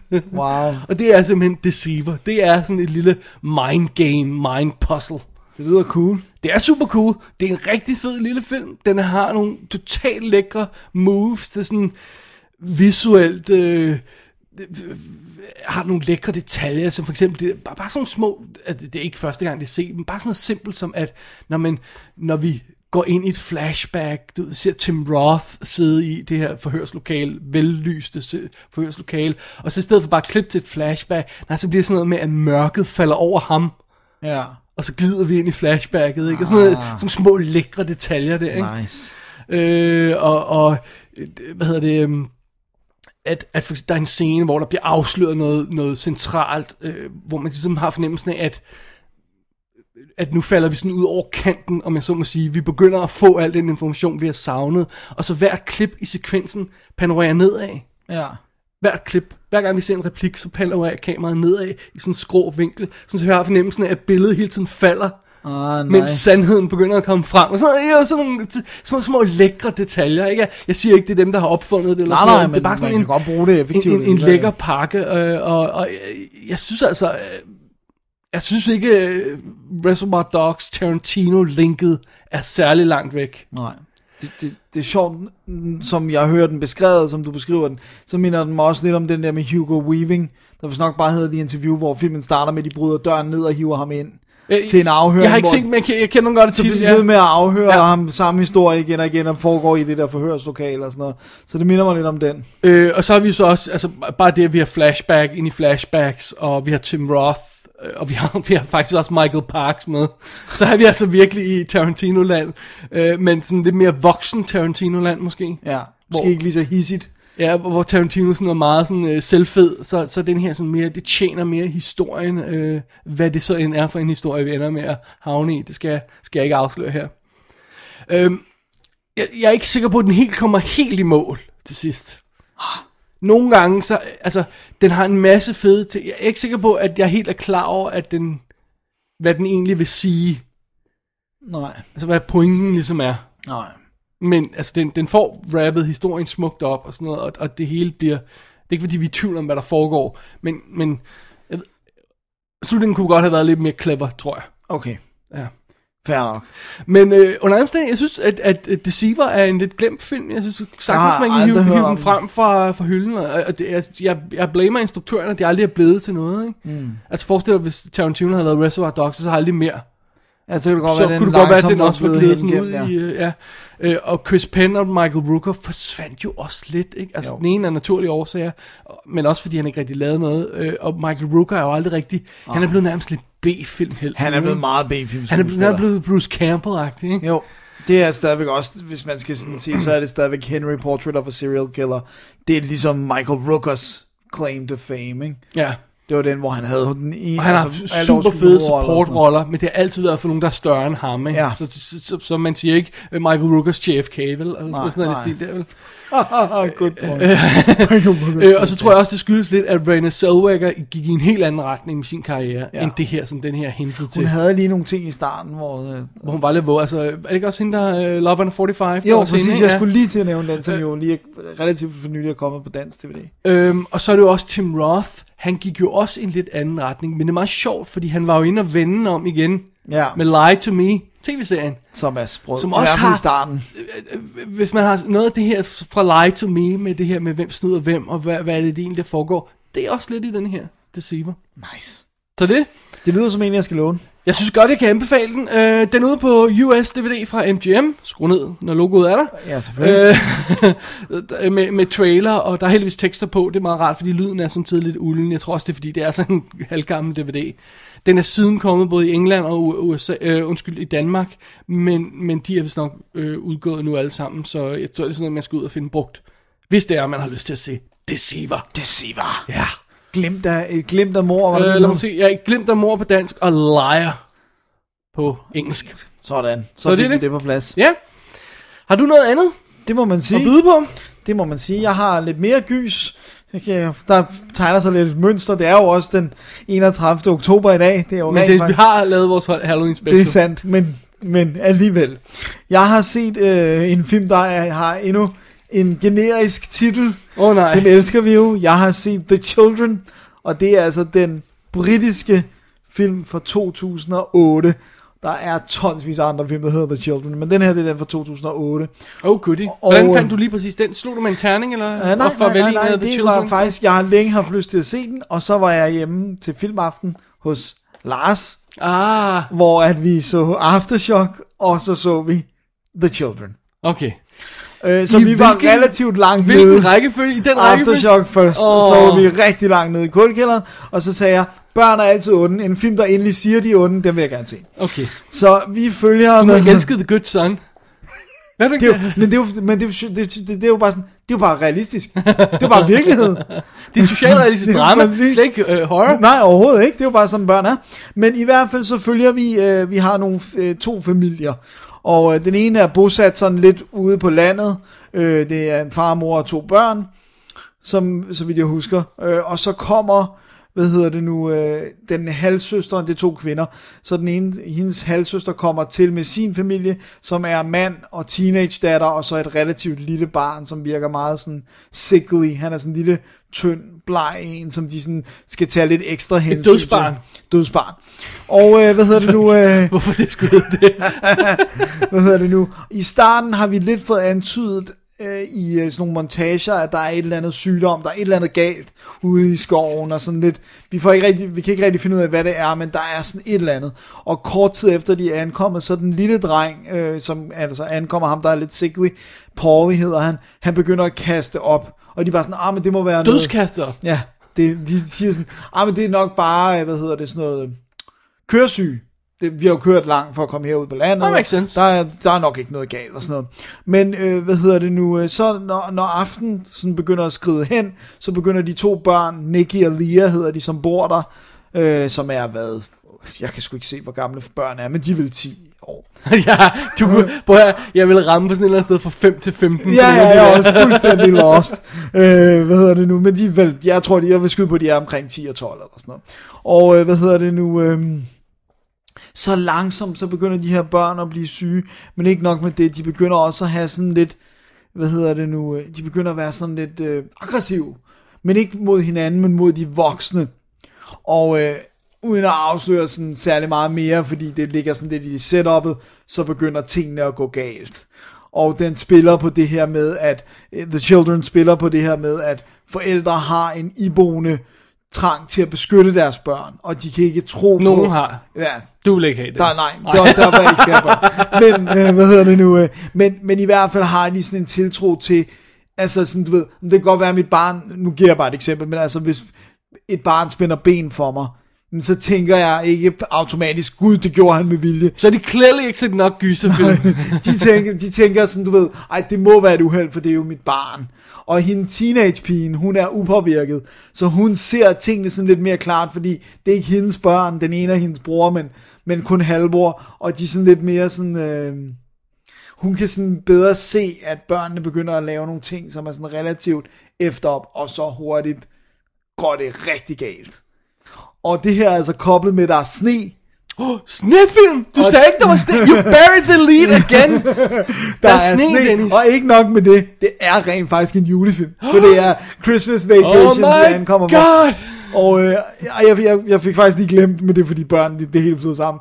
De er tre børn også i den familie, der ankommer. Der er sådan en pige, Du som... sagde, du ikke var helt sikker i referatet, så ja, okay. Okay, så hun er sådan imellem teenagepigen og den lille dreng, så er der en pige i midten der. Okay. Og øh, hvad hedder det nu? Og hun er meget sådan mor og far syg og sådan noget. Men i hvert fald, så det den gør, som jeg synes er meget, meget elegant, det er den måde, den sådan spiller på det der med, at forældrene i hvert fald ikke tror, at børnene vil gøre noget ondt, men den lader det også sådan i langt stykke hen ad vejen, kan vi også godt være i tvivl. Fordi du ved sådan, ej, alligevel var det ikke et uheld det der og sådan noget. Men så på et tidspunkt, så begynder tingene selvfølgelig at tage far, og så er den ret smart med, hvor meget den i virkeligheden viser, og hvor meget vi forestiller os, når, den, når det kommer til blodet og sådan noget. Den er blodig, det er slet ikke det, men den er ret clever med at klippe de helt rigtige tidspunkter, så din hjerne simpelthen bare fortsætter, hvad der ville være sket, og det kan jeg godt lide sådan lidt elegant måde, også fordi så slipper de lidt under ratings-radaren, altså de, den er selvfølgelig stadig Men altså, R-rated. det, det skal jo ikke blive en trend, at man ikke viser blod. Nej, nej, nej. Bare, bare lige og godt de klart. viser også blod. Okay. Men, men det er bare sådan det der, de klipper lige præcis det rigtige sted, sådan, så din hjerne færdiggør sekvensen. Og det synes jeg sådan, det fungerer rigtig godt, og så bare sne, der bliver farvet rødt, og børn, der viser deres sande natur. Det kan godt være, de kan gemme den til daglig, men det kan de ikke her. Øh, Dødsbørn. dødsbørn. Og, og så, synes jeg, øh, så synes jeg, at man har noget om at holde af i, i, øh, i hvert fald i den ene mor, hende der er den ankommende, hende den anden, hun er bare sådan, "Åh", hele tiden, hvor man bare sådan, ja, du må godt blive stået ihjel, ikke? Men, øh, og så teenage-datteren, hun er cool, og, og hun er bare sådan, de her børn skal bare have slag -agtigt. Så jeg synes, den, den var vildt underholdende, The Children. Øh, Lars, han var, han var på det her tidspunkt lidt, lidt komatøs. Jeg tror, Aftershock... Det er Aftershock slår ihjel. ihjel. så jeg ved ikke rigtig, om han synes så godt om den, men jeg synes, den havde rigtig godt mood. Jeg synes, det var fedt, det var en julefilm. Så der er juletræer, der er Christmas decorations, og slede ride, som går galt, og, og du ved, at det er uden skov, og og så selvfølgelig så bliver det mere og mere creepy, den slutning, den bevæger sig hen mod, og der er bare noget forkert i at se børn gøre de ting, som de gør i den her film. Og jeg tror også noget af det, hvor de klipper, det er det der med, du kan jo ikke få børn til at gøre alt. Selvom det er skuespillere, det er fake og sådan noget, så er jeg ret sikker Der på... er sådan nogle ting, du ikke må få dem til at gøre. Ja, præcis. Altså, ikke? du, ikke må, du må ikke sætte børn til at spille nogle bestemte Nej, scener. præcis. Og, sådan, ikke? og, og, øh, den er lavet i England jo, så de, og de plejer at være endnu mere Ja. strikse. Eller, der er sikkert nogle regler for, hvad man Ja. må og ikke må. Ja, jeg er ret sikker på, at du ikke må bede et barn om at slå et menneske. Altså, Så fake slået med. ja, præcis. Jeg tror, der er nogle regler, men i hvert fald... de- CGI, Dennis. De får sluppet godt, de får sluppet godt, og der er ikke CGI. Det oh, er awesome make-up effekter, og de er klamme. Godt. Så The Children, som er en af dem, der er produceret af Ghost House, ah. altså Raimis, øh, eller jeg ved ikke, hvor meget de har produceret, men den er i hvert fald sendt ud af dem i USA, og øhm, har masser af ekstra materiale, står rigtig flot på Blu-ray, er skudt på film og hele, hele pivetøjet, så øh, ej, den er altså værd at tjekke ud. Den, den spiller kun 85 minutter. Så Perfekt. det, det er et easy, lille easy ride. Det er præcis. Ja, Så øh, husker man, hvad man skal lave næste dag. Pas på alle børnene der. det er det. Så The Children fra 2008, værd at tjekke ud, hvis man vil have en lille gyser, der viser børns sande natur. Var det med vilje, du ikke sagde nogen af skuespillerne? Er der simpelthen ingen af dem, vi kender? Der er ikke rigtig nogen af dem, vi kender. Nej, det er Hendes- jo britiske, ikke? Så- Jo, de er Ja. britiske. Hende teenage-pigen, øh, Ja. Hannah Toynton, tror jeg hun hedder. Go for it. hun øh, er vist ved at begynde at have lidt... Men altså, der er ikke noget, hvor jeg siger sådan, det er mest tv. Okay, fint nok. Så, øh, så det der, jeg kendte ingen af dem. Link i shownoterne, hvis man skulle være i tvivl om, hvad for en udgave det var, eller der er flere fra 2008. Det er, nogle, det er der også nogle gange tilfælde. Nu Nogle er af de altså tre Children fra 2008. Alrighty. Alrighty. Vi øh, er, øh, er videre, Dennis, men vi bliver i sneen, og vi bliver i blodet. Oh yeah. Ja, fordi jeg har ganske enkelt hed fat i Ravenous Jeg synes, det er ret sjovt, at du har heddet fat i en af mine favoritfilmer, og ikke fortalt mig om det. 1999, og den på dansk hedder den Kannibalerne. Det er rigtigt. Så de er ligesom lagt kortene på, på bordet, hvis nogen skulle være i tvivl. og det er jo simpelthen, det var ganske enkelt øh, inspireret af instruktøren Antonia Bird. Hun døde for nylig. Ja. I en alder af hvad? Nogen af 50? Hun var ikke særlig gammel. Ja. Øh, hun har tidligere lavet Priest, Lo- Mad Love, ja, den med, med hvad hedder øh, Chris O'Donnell, øh, og, øh, og Face fra 1997.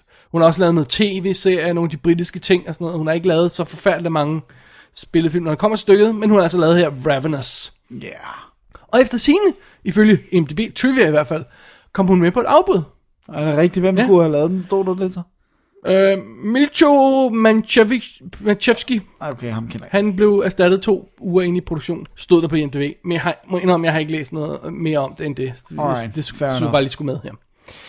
Øhm, vi møder Captain John Boyd, øh, Guy Pearce, som jo kæmper i den øh, meksikansk-amerikanske krig i 1947, Ja.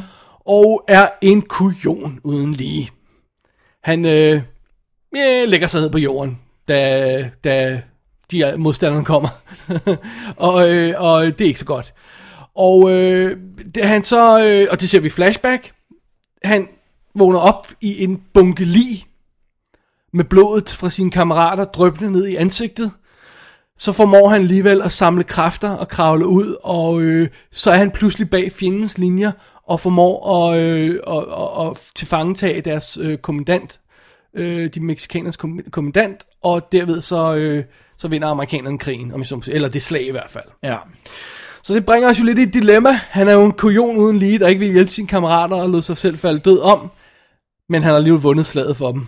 Så lidt godt har han da gjort. Så han får øh, hængt en medalje på, øh, på skjorten, om jeg så må sige, og så bliver han sendt ud på en øh, outpost, øh, langt, så langt væk som muligt, for man gider fandme ikke have ham rendende rundt, sådan en kujon, som han er. det er jo et John Spencer Altså fra øh, West Wing, eller endnu bedre fra The Rock. Oh yeah! Der spiller hans kommandant, men det er en anden historie. Nå, han kommer ud på det her øh, øh, fort her, om jeg så må sige, øh, ude i... Øh, Sierra Nevada Ja, og noget. og øh, og øh, der, der er sne over det hele, og det, det, er, det er virkelig sådan en outpost. Det er den sidste outpost før vildmarken. om og civilisationen Ja. slutter. Og normalt vil de så være sidste station for rejsende, der er på vej ud for at søge deres lykke derude.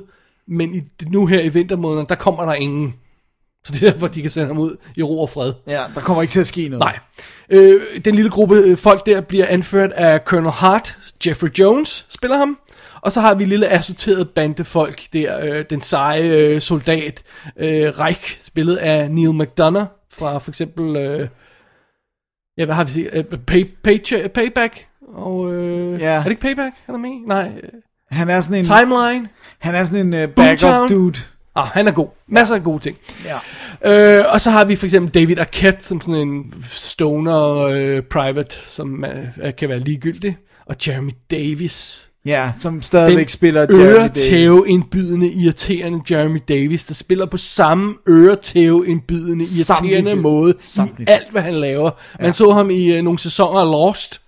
Øh, Solaris, for eksempel remake af Solaris, eller Twister er han en af dem også. Ja, men han spiller altid på samme Ja, måde. og øh, Simon Private Ryan nok der, hvor han, man kender ham mest. Ja, det er rigtigt. Er det ham, der er 12? Gøn? Nej, det er det ikke. Det er ham, jo, det er ham, der hele tiden spørger, what does Fubar mean og alt det der. Okay, fint. Det er ham. Fint nu. Nå, men vi har det lille bag, og så er der en indianergut og, og sådan noget, så er der sådan otte folk eller sådan noget, ikke? Så pludselig en sen aften, Dennis, Uh-oh. sker der jo det i Ravenous, at der kommer en mystisk fremmed i natten. Åh oh, nej, Åh oh, nej. den slags historie er aldrig godt. Det viser sig at være øh, Calhoun, kalder han sig selv, spillet af Robert Carlyle. Robert Carlyle. Ja, for, og det her, det er altså tæt på Trainspotting og sådan Det noget. er året, to, tre To år år, efter ja. øh, Trainspotting og to år efter Full, Full Monty. Monty. og, så, øh, og samme år som Plunkett og McLean. Åh oh, gud, ja, den var også cool. den? Ja, den var, den var sjov, cool. ja. Nå, Robert Carlyle, han kommer der og fortæller en drabelig historie om, at han var med i en gruppe, gruppe folk. Og det er altså relativt hurtigt ind i historien. Vi, vi, jeg tror knap, vi er et kvarter ind i den her. Øhm, han var med en gruppe folk gennem ødemarken. De, de strandede, øh, der var storm, øh, de havde ikke noget at spise. Og for at gøre en lang historie kort, de begyndte at spise hinanden. Ja. Eller, de startede nok med dem, der var døde, og så sørgede de for, at andre blev døde. ja, så de stadig havde med. Ja. Så han indrømmer blank, at han ganske enkelt har smagt menneskekød, Ja. men han kunne ikke klare det mere, så han stak af, og det er derfor, han er havnet her. Og så siger øh, Colonel Hart, Jeffrey Jones, vi bliver nødt til at gå ud og tjekke, hvad der er sket med det her Lost Party. Ja. Og det er så der, hvor historien begynder at blive blive meget, gusten. meget suspekt og gusten. For lad os bare sige, øh, Robert Carlyle øh, har ikke fortalt hele historien. Nej. Da, da, da, da. Og den er jo, det, det er jo, altså, det er jo løst, det er jo i hvert fald inspireret af den der Donner Pass historie med øh, sådan nogle hestevognsrejsende, der vidderligt gjorde det her med at måtte spise hinanden. Er, er, er den simpelthen inspireret af det? Er, Ja, er det, den- det er sådan ret kendt, øh, øh, historie? Den, den er ret kendt, den der Donner Pass historie der. Men jeg vidste ikke, den decideret var inspireret af det. Jo, øh, altså det der med at udgangspunktet med at nogle grupper, en gruppe, der er strandet, hvor de ikke kan få noget mad og bliver tvunget til at spise hinanden og sådan. Okay, den er men kun- ret nærliggende også i tidsperioden. Ah, okay, så, så mener du bare den del af det. Okay. Ikke resten. Nej, nej, nej, det er okay. bare, hvor de rejser på. Ja, ja, okay, nok. Ja, ja, nok. Øh, men altså, det er en sjov film, det her, Ravenous. Fordi den er, har nogle helt fantastiske ting, og så har den nogle af de mest katastrofale, tåbelige beslutninger, en instruktør nogensinde har taget i en film. Øh, og øh, sådan afhængig af, hvor man, hvordan man lander på nogle af de her ting, så tror jeg, at man vil mere eller mindre kunne lide filmen. Jeg tror, hvis man formår at ignorere de her ting, så vil man synes, at det er en absolut fantastisk hvis man fokuserer på de her ting, så vil man have den som pesten. Kan du give et eksempel på det? Det kan jeg i hvert fald. Lad os starte med musikken, Som jeg elsker at have som er CD. noget af det dårligste, der nogensinde er skrevet Jamen, en så er vi allerede uenige. Det er fantastisk det, godt. Dennis, det er fakta. Nej, det er, Der det. er to komponister på. Kan du huske, hvem det er? det er Damon Albarn og Michael Nyman. Okay. Michael Nyman, som er filmkomponist, har skrevet super fede, creepy temaer og sådan noget i den stil Også der. til blandt andet The Piano ja, af ham. og har til den her, ikke? Yes. Og så er der komediemusik undervejs. Og det er sådan banjo-musik, øh, sådan ding, ding, ding, ding, og så er det sådan noget folkemusik, lirakasse-musik, og, øh, øh, og sådan noget, der lyder som sådan øh, øh, Anne-kald, eller sådan noget i den stil der. Jeg, det er jeg ret sikker på, det er den del af, at, hvad hedder han, Damon Albarn, fra Blur. Fuck, tak for Blur har skrevet. Og det er katastrofalt elendigt. Det er simpelthen så dårligt. Resten af musikken er fed. Der er virkelig, virkelig creepy temaer undervejs. Det kan godt være, øh, Alban Altså, Albarn, der er, jeg synes, der er et, et banjo-tema, som er pisse Fair enough, fair enough. Men der er undervejs nogle, nogle, øh, nogle, nogle, nogle, nogle temaer, der er så tonedøve over for stemning i filmen, at det er, det virker som en hjerneblødning. Det er meget underligt. Og i det hele taget, så virker det som om, at instruktøren, øh, Antonia, Antonia Bird, Bird. har forsøgt at sabotere filmen undervejs. For eksempel, hvorfor i alverden vil du starte sådan en seriøs film her? Du, med, du starter med to citater på skærmen. Ja. Ja. Det ene er fra Nietzsche, det er det der, og hvis du kigger ind i monsteret, kigger det også ind i dig. Ja, sådan noget, ja, det er variation Into the? Abyss, ja. Øh, og så øh, nummer to citat er, Eat me fra en anonym. Really? Really? Du vil, det, det er den stemning, du vil lægge an. Og så, kommer, så starter filmen, og så har du credits. Så har du, øh, udover du har det der comedy score der fra en eller anden øh, carry-on banjo-film eller sådan noget. Så har du sådan credits, der kommer ind sådan, fju, fju, fju, sådan credits-navnene, som om det var sådan en superheltefilm. Hvad, hvad, hvad er det? Hvad fanden er det? Hvad laver I? Det er fuldstændig tåbeligt. Det er sjovt, du siger. Jeg elsker den, jeg elsker alt ved den. Nej, Dennis, det kan du ikke. Det er simpelthen, det, det er ikke fakta. Det er Det er dårligt. fakta. Det er noget af det dårligste, jeg nogensinde har set. Og det er så skarp kontrast til filmen, der er så ond og modbydelig og sådan noget, når den først kommer i gang. Det har sådan lidt jokey noget i starten. Det er sådan lidt, åh, oh, vi er et så uh, funny band of misfits her, ikke? Men så når vi begynder at tage ud for, for, øh, for at gå i, om man så må sige, øh, Robert Carlyles fodspor og finde ud af, hvor han kommer fra, og hvad der skete der, så bliver den så modbydelig og ond og kannibaler, og den går altså nogle steder hen, som jeg ikke mindes, at nogen sådan mainstream film har gjort før med sådan noget. Altså, man har sikkert set sådan noget, øh, øh, du ved, Ja, ja. underlødig øh, Cannibal Holocaust og sådan noget. sådan noget stil der, men at se en mainstream film begynde at kaste ud i kannibalisme og, og nogle af de her ting, øh, det er og, og altså, den er bare modbydelig på sådan Ja, en og eller det er anden... også det der med, det- der er snavs, og de beskidte, de ikke, kommer ikke i bad, fordi der er ikke noget rendende vand, og Ja. det er sne, og de snav, blod, der bliver blandet sammen med snavs, og ind i åbne sår, og Så jeg, for, for guds skyld hold fast i det. Fordi konstant forsøger instruktøren her at, at, at, at ødelægge sin egen stemning. For eksempel ved at have David Arquette, der sidder og griner som om sådan her sådan en pothoved. Ah, ah, hvor er det sjovt. Så midt i sådan alvorlige scener, og Jeremy Davis, der jo, som vi allerede har etableret, er Altid spiller sig han, selv. Sådan, du ved, hopper rundt og danser og vifter med armene, som om han var sådan, du ved, med i, et- i et teaterstykke for udviklingshemmede eller sådan noget, så man skulle være sikker på, at der var noget, de kunne se på, ikke? Øh, altså, øh, så, det siger jeg ikke, øh, det er ikke en kritik over, altså, du forestiller dig et børneteaterstykke, hvor, hvor, Ja, eller, hvor du skal eller halvblinde børn, hvor man skal være sikker på, at der er noget, de kan se, ikke? Sådan Ja. hopper han rundt undervejs i filmen, ikke? Ja, så det er også sjovt med Jeremy Davis, der har jeg også den der følelse af, at det akkumulerede had. Altså dengang tror jeg ikke, jeg tænkte så meget over ham, fordi jeg havde ikke set, at han altid altså, var sådan. Ja, nej, kun, kun den del af, at han spiller på samme måde altid, og er Ja. irriterende på samme måde altid. Men han er stadig irriterende også, selvom du ikke have set ham før, Ja. synes jeg. Fordi han er sådan, ja, man kan, kan jo også øh, sådan øh, sige, at han taler på sådan underlig, vag måde hele Og tiden. det er fordi, han skal altid lede efter ordene. Ja. Og så hopper han rundt og danser som spredebasse. Det, det er virkelig irriterende. Men, så har vi Robert Carlyle, som bare er usandsynlig ubehagelig. Og så har vi, øh, hvad hedder Guy Pearce, der bare, han siger næsten ikke noget i en halv time. Det er vildt, vildt, altså, og han siger et ord. Øh, og sådan noget. Øh, og det er så ubehageligt, og så bliver vi rodet ind i den her historie med, at vi er, vi er isoleret, der er ikke noget mad, der er, hvis du skal have hjælp, så skal du sende en person ud, og det er en tre dages rejse, ikke? Og, og de finder ud af, at tror ikke godt, jeg kan sige det, at man får ekstra styrke ved at spise det her menneskekød. Så, øh, og det, uh, det er så, og det bliver vist som modbydeligt, når vi ser dem sidde og spise det her kød og sådan noget. åh, det er nasty. Jeg tror virkelig, virkelig, den her øh, film havde været bedre tjent med en anden instruktør.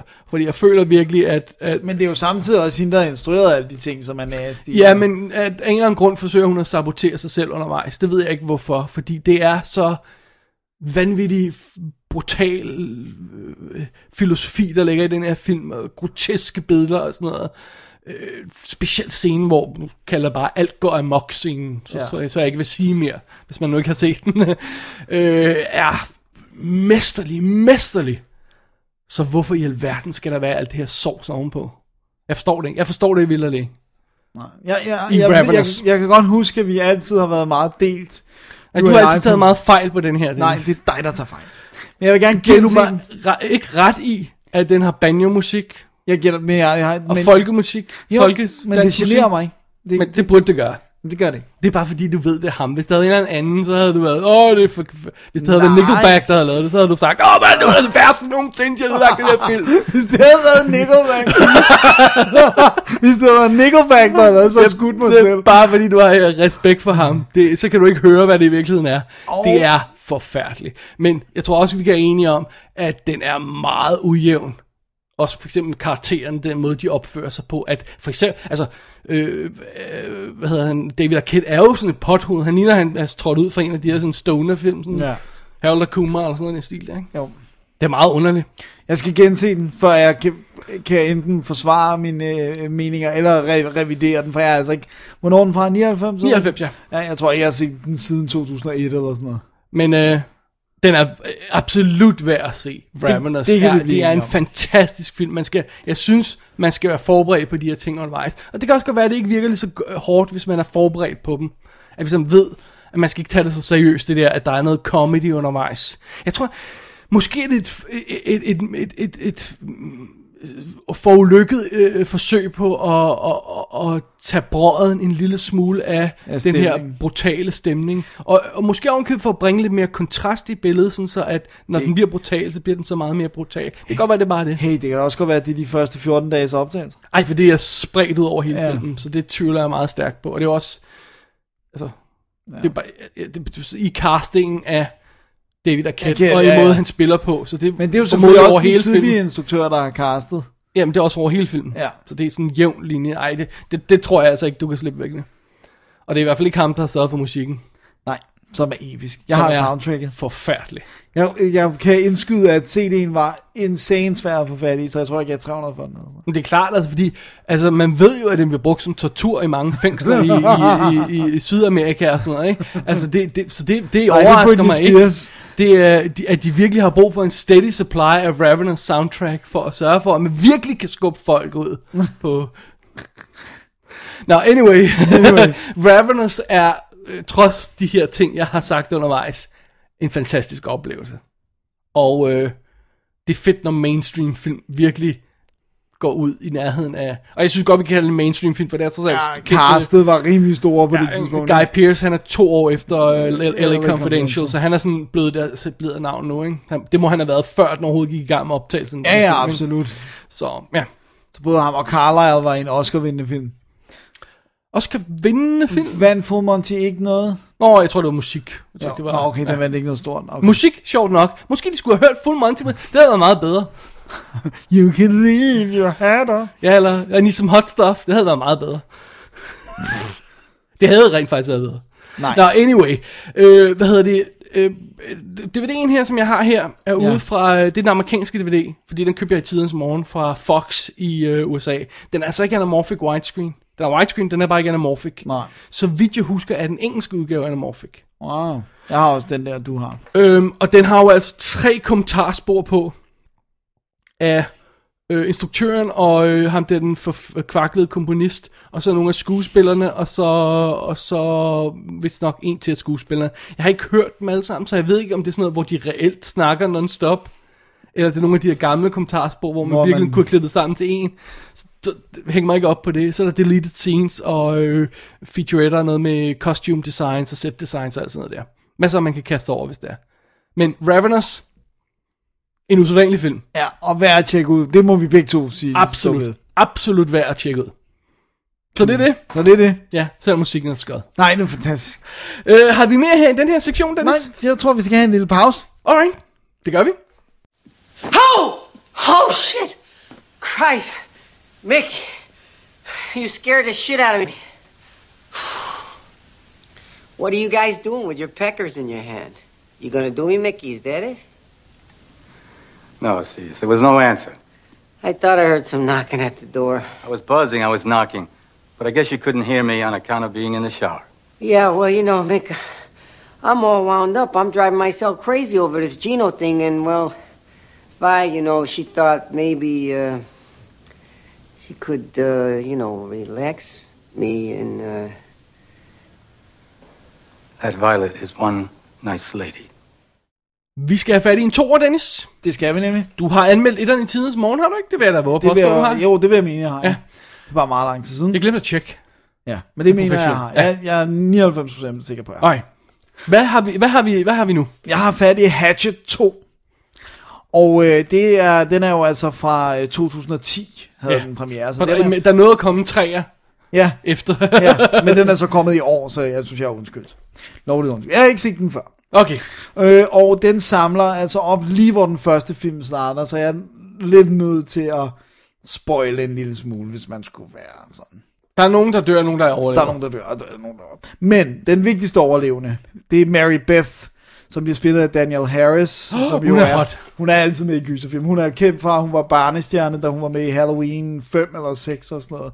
Og øhm, ham, der er bad guy, hvis man ikke kan huske det her, det er Victor Crowley, som er sådan en, øh, hvad hedder det nu, øh, vandsiret, øh, m- hvad hedder det nu, mand, som lever ude i sumpen i Louisiana, og han er sådan lidt, det virker som om, han ikke rigtig kunne slås ihjel, og vi ved ikke, om han er et spøgelse, eller om han er et menneske, og sådan noget. Og øh, den filmen starter med, hun flygter ud af den her sump, og, og, og øh, får fat i en mand, som da han hører, øh, hvem hun er, så siger han, jeg kan ikke hjælpe dig.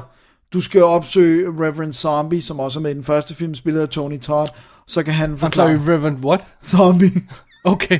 Okay, det var også det, jeg hørte. ja, øh, som, øh, som, som hun så opsøger og finder ud af, at der er en connection mellem hendes familie og Crowley-familien, fordi at Selvfølgelig er der det. så det, der er det sat op, og det der. Og det handler ganske enkelt om, at hun vil ud i, i uh, sumpen igen. Hun vil finde sine f- døde fa- familiemedlemmer og sådan noget. Og, og, Det var ikke venner, det var familie, der var... Det var noget af det familie, noget af det var venner, ikke? Okay. Men hun vil i hvert fald finde dem, og så vil hun selvfølgelig også gerne have hævn over Crowley. Og øhm, Reverend Zombie, han går med på den, øh, fordi at øh, den del af sumpen, den må han ikke øh, hverken lade turister komme ind i, man må ikke fiske og sådan noget, fordi man ved ligesom godt, shit går ned der, så der holder vi os væk. Så han siger sådan, hvis vi bare kan få, få nakket Crowley og ordnet det her, så, øh, så kan jeg min business blive større. Så, Ah, okay. så han udlover 500 dollars til alle, der vil gå med og prøve at, at få fat på dem og sådan noget. Og hendes onkel, Uncle Bob, spillet af Tom Holland, instruktøren af Fright Night, Um, excuse me? han dukker op som straight skuespiller, ikke noget, ikke, han skal helt afdæmpet, skal bare spille hendes onkel. Han som- spillet før? Ikke sådan rigtig, nej. Altså ikke sådan en, en længere rolle, hvor han vil med for at beskytte hende og sådan noget. Det er meget bizart. Wow. Øh, og det er med John Carl Bugler, som er make-up effekt gut og sådan noget, han dukker også op i en rolle. Og, så man kender alle sådan hister her, det er ret sjovt. Men øh, så tager de selvfølgelig ud i sumpen, og alting går galt. Så det er et nyt team derude i sumpen, ja. der skal slås ihjel. Yes. Det lyder da lidt som det samme i den første, ikke? Jeg vil sige, det er den tyndeste historie. Altså, jeg, jeg var fint underholdt. Den spiller, nu skal jeg lige se, hvor meget det var, den spillede. Spiller 85 minutter, ikke? Og der er, altså, der er nærmest ikke nogen akter, for du ved, den starter selvfølgelig med en hook, men hun kommer ud og, og siger, ej, det hele er galt og sådan noget. Og så skal vi lige have folk hyret til det her møde, og vi kan selvfølgelig godt fornemme, at Reverend Zombie har en eller anden skummelplan, som man ikke vil afsløre, men så skal vi bare ud i, i, Joe, i sumpen, og så bliver de stået ihjel på mere eller mindre opfindsomme måder. And that's it. Jeg De skal være meget opfindsomme, for det værd at Ja. tjekke ud, skal de ikke? Jo, altså jeg vil sige, Altså, de, de mor. de er virkelig opfindsomme, de her mor. De er virkelig sådan, og det hele er lavet med make effekter i hvert fald langt hen ad vejen. Øh, pro- jeg synes lidt, for det første så fortæller de lidt Crowley-historien igen, Hvilket er lidt irriterende, fordi vi har fået i den første, Mhm. ja. så det er sådan lidt, men de tør ikke helt gå all out og bare sige, det er en toer, og jeg ikke lade folk få en fornemmelse, så vi skal lidt se det samme igen, bare genfortalt på en anden måde, vi får lidt mere backstory. Er det, er det lidt som Evil Dead at det bliver større med hver film, man fortæller samme historie Ja, ja, igen? ja, ja, præcis. Det, ja, det er faktisk en god sammenligning. Men så, altså, så er Så det... træerne foregår i fortiden. Sikkert. Så det, det er vidderligt en gruppe mennesker, du kan godt lidt fornemme, hvem der kommer til at ryge i svinget og sådan noget, ikke? Og så, og så bare de her ganske opfindsomme mor. Det der er det allerstørste problem, det er, at den er ikke uhyggelig. Men mindre du synes, blod i sig selv er uhyggeligt, så synes jeg ikke, den er uhyggelig. Altså, og Nej. du ved, det er svært at anbefale den. Jeg synes Hatchet 1 havde noget. Den havde en fed øh, sådan, øh, balance mellem humoren og, og gyset, og jeg kan, jeg kan faktisk godt lide Crowley-figuren. Jeg synes, det, det er en meget sjov historie, og han bliver jo spillet af Kane Hodder, som også har spillet... Øh, hvad hedder det nu, øhm, Jason i 4 eller 5 fredag den 13. Og sådan noget, som, som er sådan stor, ikke? og han har et meget fedt look, sådan vandsiret, øh, vandskabning look og sådan. Så det, det er egentlig ærgerligt, at de ikke kan få mere ud af historien, for det er videre lidt sådan, ud af sumpen, og, og så lige tilbage igen. Så den kunne godt have været bedre, men hvis man gerne vil se folk blive slået ihjel på opfindsomme måder, og jeg mener virkelig opfindsomme måder, så, så er der det i Hatchet 2, men der er altså ikke særlig meget andet at komme efter. Du bliver nødt til at tjekke træerne. Det bliver, jeg håber, ja. den, den har lidt mere. Og så er det jo også bare sådan, du ved, det der med, at igen, at Tony Todd er der, som vi kender, og Tom Holland, som man jo ikke kender af udseende, men han er der, og Daniel Harris og sådan noget, så det er fint nok. Den er der, den er okay. Det er der hende, der er med i Last Boy Scout, er det ikke? Jo, som hans datter. datter, ja. Jo, jo, det er det. Hun Okay. ligner sig selv på en prik, bare lidt ældre. Awfully cute. Awfully cute. Men øh, det er altså Hatchet 2. Jeg så den på øh, amerikansk Netflix, hvor den er i HD. Den er selvfølgelig ude øh, med ekstra materiale, både på DVD og Blu-ray og alt det der. Men, øh, men jeg tror ikke, man behøver at eje den. Okay. Mere, mere. Alright. Okay, fair enough. Det var Tre, det. træerne næste uge. det. ja, hvis den er til. Jeg ved ikke, om det, jeg tror ikke, den var på... Øh, det var i hvert fald ikke på... på Den er vist kommet, ikke?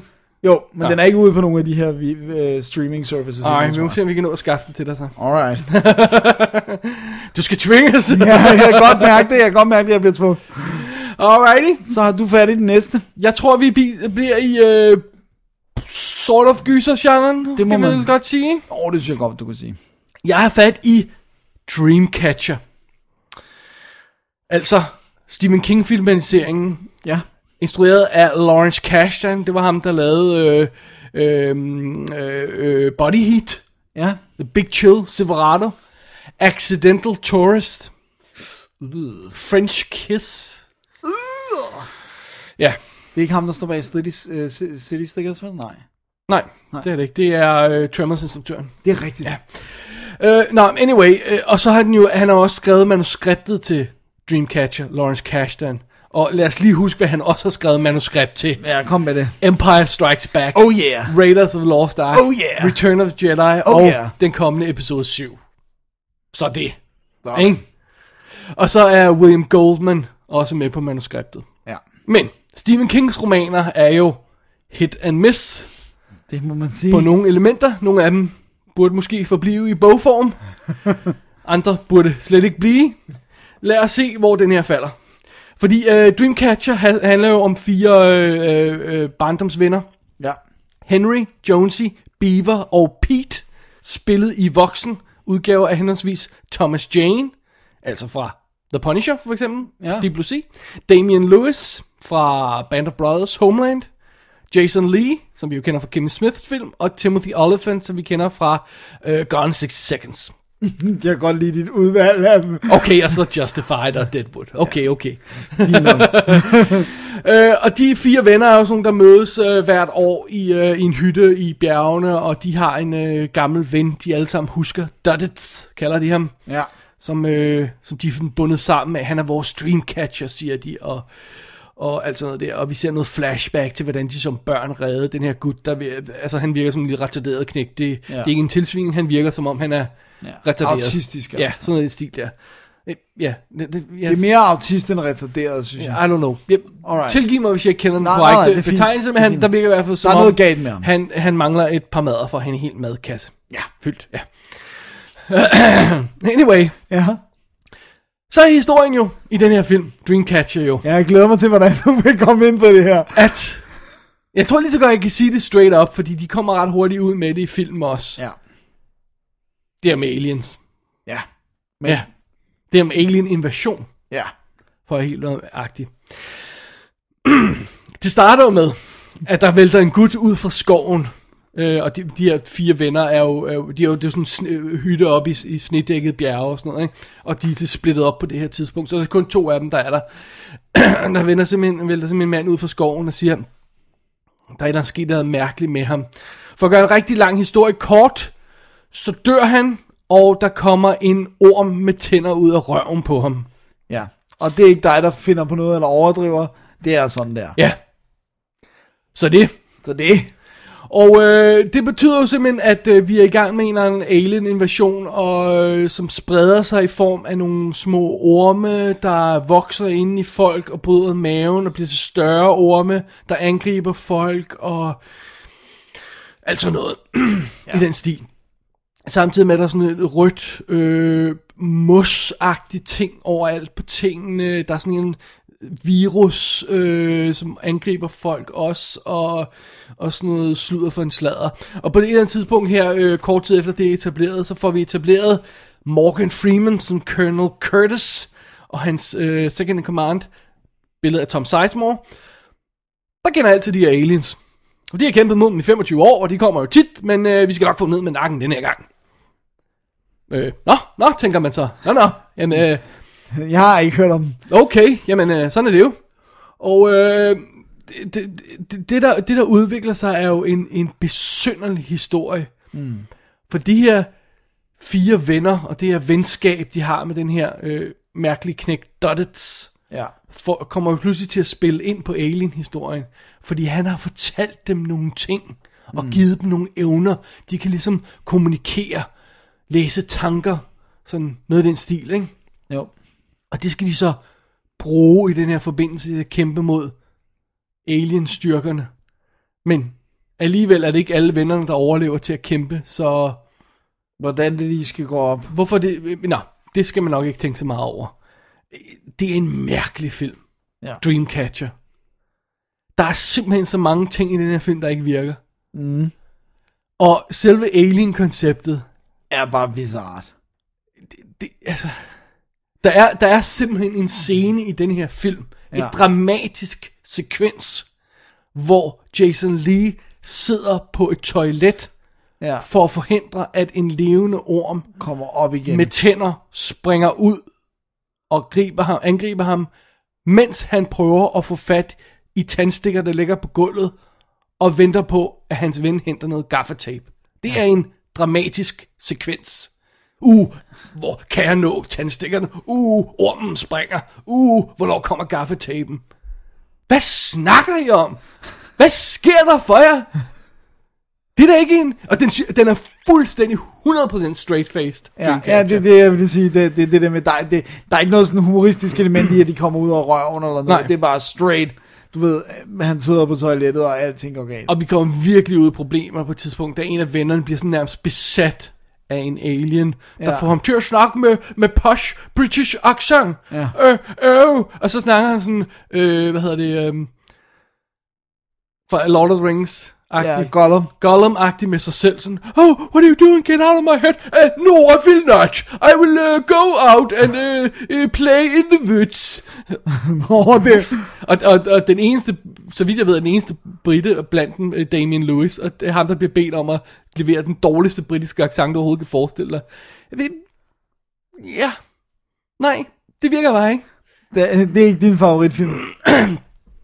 For eksempel er der nogle sekvenser, hvor vi er inde i hovedet på Damien Lewis også, Ja. som har sådan det, han kalder sit memory warehouse. Ja, Og jeg kan godt se, at det sådan noget vil fungere på skrift. ja jeg kan, det er jeg et kan, vildt jeg, fedt koncept, jeg kan, netop, jeg kan 100% se det for mig, at Stephen King skriver de her ting, hvor det er sådan noget med, at han, han har alle sine memories i et memory warehouse, hvor han har kasser med det og sådan noget. Det er meget sjov visuel præsentation af, Af af hukommelse og- noget, af hukommelse, som ikke skal vises i billeder, men som skal, da- skal, skal beskrives i tekst, så man kan danne billederne op i hovedet, så ser det ikke lige så latterligt ud, så når vi ser det i filmen, hvor han kører rundt med sådan en sækkevogn i, et, i, et, i, et, i hvad der ligner sådan et øh, gammelt bibliotek, Ja. og så arrangerer sine filer, det bliver bare for konkret og for dumt og for irriterende. Ja, jeg kan meget godt, jeg synes bare, det- jeg finder en eller anden enorm, fordi jeg elsker bøger så meget, så får jeg sådan en enorm comfort ud af de her scener med de her, med de her biblioteker, bøger. Men altså, det er jo ikke bøger, det er, fi, det er filer. file, ja, ja.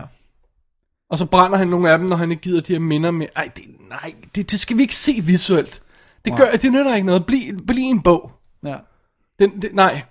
Og det samme med den her alien, der bryder ud af røven. Det nytter altså ikke, hvis vi ser billeder af det. Jeg, jeg, jeg er ikke engang sikker på, at det virker i tekst, men jeg kan forestille mig, at det er nemmere at acceptere i teksten måske. Ja, ja. Det, det, det, det virker anderledes i teksten. Den, den er også mere fokuseret på det der med, at de vil overtage sindene af menneskene også, og, det, og den der Jamen, makes Battle sense. of the Minds og sådan right. noget. Du, du har læst bogen? Ja. ja. Øh, men, det, men det giver mening, at, at, at, fordi vi er jo så i hovedet på folk, ikke, når vi, når vi, Ja, når vi følger dem og sådan noget. Ikke? Øh, og, og St- Stephen King er jo god til de her ting med at beskrive...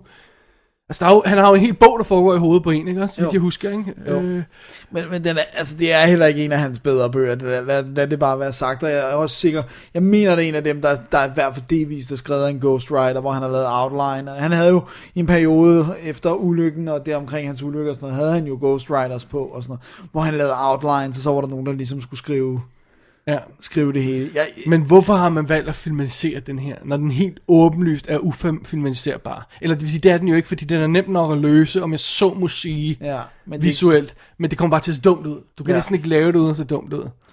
det, der, det, der sælger den for mig, det er det er det, det der aspekt, hvor man følger dem som børn, og hvor de øh, møder Doddets, og man har deres barndomsminder og sådan noget. For det synes jeg bare, at det som King kan, ligesom i Stand By Me. Men det følger og, meget lille del i filmen. Ja, F- det følger fylder meget mere i bogen. Ja, okay. Men, men jeg synes stadigvæk, det, du ved, ja, det er det, der gør, at jeg kommer til at holde af de karakterer, og jeg kan ligesom se i de voksne, dem de var som børn, og de, den plads, de havde i vennehierarkiet, om man så må sige. Og, og jeg kan også godt lide der, hvor den går hen med Doddets, og hvad, hvilken betydning han har, og sådan noget. Kan du huske, hvem der spiller Doddets? Ja, det er, øhm, øh, hvad hedder det, Wahlberg, øh, Donnie Wahlberg. Det er Donnie Wahlberg, der er ukendelig. Han, du kan ikke genkende ham overhovedet. Ukendelig. Det er så vildt. Ja. Det er meget sjovt, men prøv at høre. Nej, Dreamcatcher er, jeg synes, det er en forfærdelig film. Og det er sjovt, fordi du har gode skuespillere, ikke? Du har en effing talentfuld instruktør. Ja. Det har du. Ja, Ja. Lige meget, hvordan du spænder det, ikke? Og, nej, og den Du er har, også... du har helt åbenlyst haft masser af penge. De har Industrial Line Magic på til at lave de her øh, effekter med de her aliens, som ser, de ligner, jeg ved ikke hvad. Men det, er jo- det, det er jo bare sådan en grå slug. Altså, det er sådan underligt. Ja, og så, så er der også nogle andre ting, som vi ikke Skal komme ind på kan her. komme ind på her, hvis man nu har lyst til at... Ja. Jeg, jeg, jeg, hvad har de tænkt på? Hvad har de tænkt på? Det kan jeg ikke, det kan jeg ikke gennemskue, at de har tænkt på. Nogle gange så siger man, ah, okay, nice shot, det virkede bare ikke, too bad, Ja. prøv en anden film. Her kan jeg, jeg kan ikke se på, hvornår i stadiet, at de ikke skulle have opdaget, at det her ikke ville fungere. De skulle måske allerede, da de sådan, det er en alien, der kommer ud af røven på. Ja. folk, allerede der burde de have tænkt, ah, det er nok ikke film. Nej. Gods materiale ting. Åh, oh, jeg synes det var... Men det, det er meget sjovt, fordi jeg tænkte... Fordi jeg var inde og se den i biffen til pressevisning i tidens morgen. Jeg så den rent faktisk i biffen i, hvad var det, 2003, ikke? Jo. Øh, til pressevisning, og der sad vi også alle sammen sådan og kiggede rundt på hinanden og sådan, "Wha- what? Hvad skete der lige? øhm, men det var så lang tid siden, det er 10 år siden, jeg har set den sidst. Så jeg tænkte, Giv den en chance. give en chance til, ikke? Og, øhm, og jeg sidder lige og er ved at læse en anden Stephen King ting, så jeg tænkte, jeg er sådan in the mood i Ja. øjeblikket til det her, så okay, let's give it a shot, ikke? Og jeg synes også, at de her fire venner, altså, øh, de, de gør sgu et hederligt forsøg på at, på at få det til at fungere. Øh, Thomas Jane, Damian Lewis, Jason Lee og Timothy Oliphant. Men det, der er altså ikke noget at gøre. Der er altså ikke noget at gøre. Men en ting, jeg kan give den, den er ikke kedelig. Jeg skulle lige til at Den er ikke det. kedelig. Den, du sidder aldrig og keder dig og sådan noget. Nej. Det er bare, sidder, man sidder nærmest med åben mund og, og, og det hele. Og, Ja, og tænker, hvor kan den nu gå hen? fanden i helvede sker der her i Dreamcatcher? Ja. Jeg synes, den, De har heller rigtig gjort så meget af den her Dreamcatcher. Øh, øh, er det mere sådan et tema det er i mere et tema i bogen, ja. Ja. Altså, det, det, det er ligesom om, at det, det, det, det psykologiske aspekt er ampet meget mere op i bogen. Det er stadigvæk ikke en I fantastisk sagens bog. natur. Men, men jeg synes, det, jeg, jeg, jeg kan sagtens være med på, at det, at det at, altså alle de problemer, den har, sådan noget, men det er den der venskabsting, der sælger den for mig. Så sæt dig ned til Stand By Me i stedet for. Det gør jeg, jeg kan jo ikke blive ved med at se Stand kan By. du. Jeg har set den film 100 Dennis, der er alien ud af måsen i den her. Så Ja, Stand By. Me i stedet for. Den har, men den smager også for mig lidt af et, hvor jeg også synes, at barnedelen fungerer oh, meget bedre er end voksendelen. bravende kedelig også, ja. Nej, det er den ikke. Ja, Miniserien er bravende kedelig. Nej, nej. det er skide. Måske er du også uh, St- Stephen King-fobia. Den må jeg se, gense. Alright. Ja, det jeg ja, gense den til showet. Ja, God idé. det må jeg gøre. Den var bare lige de der tre timer. Skal Well, lige... what are you gonna, gonna do, ikke? Jo. Øh, jeg så den, øh, øh, jeg har faktisk DVD'en, oh, nu glemte jeg lige at tage den med ind, fordi Ja. ja. det var ikke den, jeg så, men jeg har DVD'en fra Warner, som har featuretter interviews og alt muligt andet her løjser på, øh, og det er altså meget fint, men jeg så den i HD på det danske Netflix, Sådan. og den er altså ikke ude på Blu-ray. Nej, så der er en mulighed. Ja, Eneste mulighed for at fange den i HD. simpelthen. Så det er det, det var Cool. Dreamcatcher, tror Ja. ikke, jeg vil svine den mere til. Nej, Okay. Dennis, hvad har du som næste film? jeg har fat i en gyser. Oh, der... Eller gyser oh, rom. det er godt, du tager et, øh, en drejning her til sidst i programmet. Hvad, hvad havde du regnet med? Hvad hedder det nu? Variation. Ja. Nå, øh, jeg har fat i en af de her meget farlige ting, som er en gyser-antologi. Jeg har fat i den første VHS. Du er bagefter i øjeblikket, fordi toeren er altså lige kommet. I know. Du know. Hatchet, to, toeren og treeren kommer. Ja, VHS 1 og 2'eren kommer og sådan noget. Men jeg er nødt til at se 1'eren først. Det er jo det, er, ikke- det er fair nok. Det er i Men- sagens natur en, ja, sådan det foregår. men, men i hvert fald, så er det jo, altså det er decideret en antologifilm, og øh, den har sådan en rammehistorie med nogle øh, unge kriminelle, som skal som filmer, at de er ved at ødelægge en, øh, sådan øh, forladte huse, og hvordan de så kommer ind i et hus, hvor der er en masse øh, VHS-bånd stablet op rundt omkring. Og så er der så en masse, så kommer der så en række det er jo kortfilm, der bare er samlet, og de har ikke en skid med hinanden at gøre. De er instrueret af forskellige instruktører. Det er helt forskellige historier. Der er intet rød tråd andet end den her rammehistorie med de her knægte. Det er en meget god rammehistorie, ikke? Den er Altså, okay. men det er en meget sjov ting. Det er et meget De- sjovt koncept, de, men de, kommer ind og, finder de her bånd, og så ser de dem og sådan absolut. noget, ikke? Øh, og, øh, og, og i, her i VHS, der, der er det, det er en okay, det er, meget, det er en meget fed frame. Men så har vi de der, jeg er næsten nødt til at tage de her forskellige historier, for at det giver mening at snakke om, men bare gør det kort selvfølgelig. Meget kort, tak. Ja. Øh, Spol. Tag, hvad hedder, joggerhjulet op i toppen. Ja, ja, ja det, det gør jeg. Nå, ja, sådan en havde jeg også. Og så kunne man også tage frame by frame i Basic Instinct. Åh, oh, tak. Nå, øh, men altså, vi har for eksempel... Okay, jeg kan gøre det meget kort. Der er Amateur Night, er for eksempel en af dem, som er instrueret en, der hedder David Bruckner. Øh, mange af dem har ikke lavet sådan noget nævneværdigt. Øh, og det er sådan, du ved, nogle unge, der er ude og samle piger op. Den ene pige, hun ser helt vildt mystisk ud. Hun har et meget mystisk look og taler underligt. Og selvfølgelig gør hun noget creepy. Der, det er sådan en til en. Så har vi, hvad hedder det nu, øh, Second Honeymoon, som er øh, et, par derude. Det er Ty West, der har lavet Innkeepers, som du havde. Åh, oh, for den forfærdelige indkeeper. Fantastiske Innkeepers og House of the Devil, som jeg også elskede. Men øh, som er sådan et par derude og på deres honeymoon, og de filmer hinanden, og det er ligesom, eller det er deres second honeymoon, de ligesom genfejrer det, og noget er mystisk, og lige pludselig mangler der penge i hans punkt, og sådan noget. Og så har den et twist, som ikke giver nogen mening, eller det giver mening, men det er bare åndssvagt. Hvis du prøver at sælge den, så lykkes det ikke. Nej, I know. I know. Hvor mange korte film er der? Øh, skal vi se, hvad tal vi havner på. Altså, der er rammehistorien, og så er der 1, 2, 3, 4, 5 kortfilm ud over rammehistorien. Så de er, hvad er de, 20 minutter, kvarter 20 minutter eller sådan noget? Ja, de, de svinger lidt i længde, men den er altså helt op og bare 116 minutter. Oh, okay. Øh, Så er der en, en, nogen, der er ude at campe, og hvor der er sådan lidt, det er sådan lidt spøgelsesmorderagtigt. Og øh, så er der sådan noget med, øh, så er der sådan noget med en pige, der, der skyper med sin kæreste, hvor at hun bliver ved med at snakke om, at der er noget, der er galt, og han er en læge, og han siger, lad være med at pille ved det her. Hun, har sådan, hun begynder at klø i sit sår og sådan noget. Og det er den, jeg synes er bedst. Øh, det, den synes jeg fungerede okay, og det var lidt creepy, og det var sådan nasty setup og sådan noget. Det kunne jeg meget godt lide. Og så den sidste, det er nogen, der er ude og trick-or-treate på Halloween, og så kommer ind i et hus, helt uforvarende, de tror, der er en fest, og så er der sådan et satanisk ritual, der er i gang, og så går alt amok i computereffekter og sådan noget.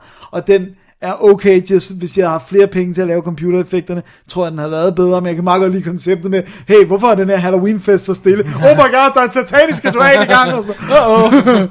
så, så de to sidste, synes jeg faktisk er dem, der fungerer bedst. Øh, men jeg må sige, at Der er det kun to ud af fem, ikke? jo, og, det, og de tre andre stinker.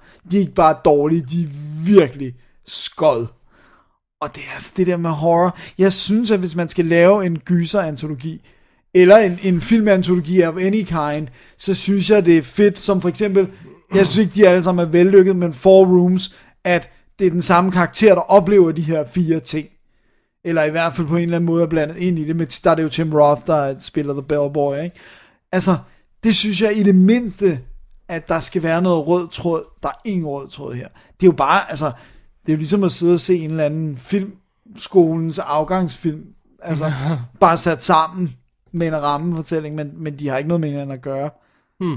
Men jeg har altså hørt meget bedre om toeren, som øh, VHS 2, som ser virkelig cool ud i, i uh, traileren, og så har nogle rigtig nasty klip og sådan noget. Men jeg kan, jeg kan altså ikke en good conscience anbefale VHS. Det kan også godt være, at man kan fange dem som enkeltbider, de her kortfilm, fordi at, øh, så vil jeg sige, at de to sidste er by far de bedste. Okay. Så er, der er noget ekstra materiale og lidt making of, men det er faktisk overraskende lidt. Jeg har øh, så den på den engelske Blu-ray, men den er altså på US Netflix, hvis man har adgang til det. Okay. Så VHS er, ja, det må blive et no-go herfra. Alright. VHS. Fra 2012, ikke? Øh, jo, Og så kom et af uh, toeren for nylig her, ikke? ja. Ja. Så, Øhm, så det. Er de alle sammen skudt på video? Sådan billig video? Ja, de har i hvert fald alle sammen look af det. Og det er virkelig underligt. Det er sådan, Altså sådan found footage-agtigt? Eller Ja, ja, ja, vi de- havde et de- high kamera, vi ikke vidste, ja, vi skulle de, bruge. det, du ved, den, den første, der er det sådan noget med, om jeg har briller, der har indbygget et kamera, så det er sådan, du ved, ja. Du skal prøve at score en pige, og så knalde hende med brillerne på, og sådan noget. Så de har alle sammen sådan noget trashet, og det, det er jo faktisk anachronistisk, fordi at de fleste kan få rimelig gode penge få et HD-kamera nu. Så det er Men jo... det, er- vi snakker om en film, der hedder VHS. Ja, så I det, kan, det må ikke være... Nej, nej, no, men, men, men det var, jeg så også, det var sådan først, da jeg havde bestilt den, jeg så sådan og tænkte, den behøver jo ikke at være på Blu-ray. den behøver ikke at være på, den behøver ikke at være på andet end VHS, There, there you go. Alrighty. som den også som gimmick er udgivet i USA. Naturligvis. Men det var House of uh, Devil også, ikke? Jo. Den fik du bare aldrig. Nej, Nej. jeg har den, men ikke med VHS'en. Alright. Alright. Vi er nået til aftenens sidste film, Dennis. Ja, og det er jo en nyhed. Det er den eneste nyhed, vi har med, så derfor... Da, da, da, da, da. Nyhed. Ikke gammel film mere, la la la. Det var vores meget øh, øh, charmerende ja, lille jingle her. Denne film er ny, la la la. Jeg har hævet fat i Big Ass Spider. Oh yeah! Som øh, er kommet ud på iTunes her for et par uger siden. Ja. Instrueret af Mike Mendes, der lavede The Grave Dancers, som var i første After Dark batch, hvis jeg ikke husker meget galt. Ikke? Ja, jeg kan i hvert fald huske, den var en After Dark. Ja. Jeg kan ikke huske, om vi kunne lide den. Der er Jeg nok så, en chance for, at vi ikke jeg så lide aldrig første batch sådan igennem, så... Nej, det var en af dem, vi delte op. Nej, jeg så den aldrig. Nå, Den, den, det er den, vi ikke har snakket om her også. nå, okay. Vi snakker om Måske skal vi snakke om den. Måske. Alright, anyway. Uh, Greg Grunberg spiller hovedrollen. Åh. Fra Alias og Heroes og alt muligt. Og fra Felicity, hans vigtigste Det har rolle. jeg aldrig hørt om. og øh, det, ham kan vi skide godt lide. Ja. Han bliver nok sjældent leading man material sådan, i en rigtig spillefilm.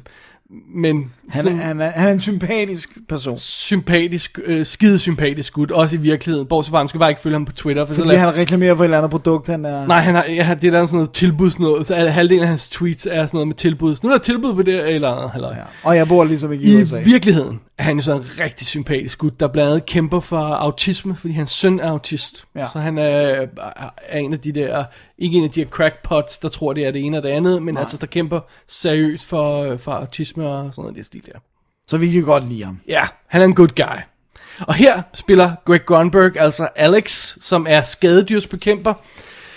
Dennis, tænk øhm, øh, John Goodman-karakteren fra, øh, fra Arachnophobia, sådan øhm, 10-15 år tidligere, 30 kilo tyndere.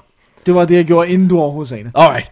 Øh, og han er jo en klassisk skadedyrsbekæmper. Han ved lige... Øh, altså, han, han, han tænker jo som en æderkop. Han bliver en æderkop. Og han ved ligesom, hvad de gør. Øh, han er super akavet, forsøger at score alle chicks, han kommer i nærheden af. Der er ikke rigtig nogen, der gider give ham the time of the day. Andet end øh, den lokale gamle dame, der, der nærmest angriber ham, når han kommer, fordi hun er så vild med ham. Anyway, for at gøre en rigtig lang historie kort, så bliver han bidt af en æderkop, havner på et hospital, og så finder han ud af, at øh, på det hospital, der bliver der kørt lige lig ind. Sådan, han ser liget, der kører ind, og det er sådan, okay, det er ikke så godt. Og lidt efter, så kommer ham øh, morg gud, altså, hvad hedder, ligehusgutten ud, og siger, prøv at høre, der var altså en æderkop inde i den der ligepose, og nu og, og, hoppede ud og bed mig, og, og nu er den løs. Og så tænker Greg Grunberg jo, hvis jeg nu laver en lille deal her, så kan jeg få slipper jeg for at betale min hospitalsregning, og så kan jeg hjælpe dem med at fange den her er æderkop. Så han går i gang med at lede efter den her æderkop, øh, hjulpet af, skal jeg lige huske, hvad fanden er, han hedder, øh, Ramos, som er øh, hans, øh, den meksikanske øh, sikkerhedsvagt, de har, som bliver hans sidekick. Det lyder så perfekt. og ganske kort tid efter, så ankommer militæret. Selvfølgelig. Alfred og Ray Wise. og siger, det her, det her er en super farlig æderkop, der er slippet ud. Alt er i karantæne, og, og vi, skal, have- vi skal have fat i den her æderkop. Og fidusen er jo selvfølgelig, Greg Grunberg, han ved alt om æderkop. Han tænker som en æderkop. så han bliver nødt til at hjælpe med at fange øh, øh, den her æderkop, og den bliver gradvist større og større. Hvor stor spørger du?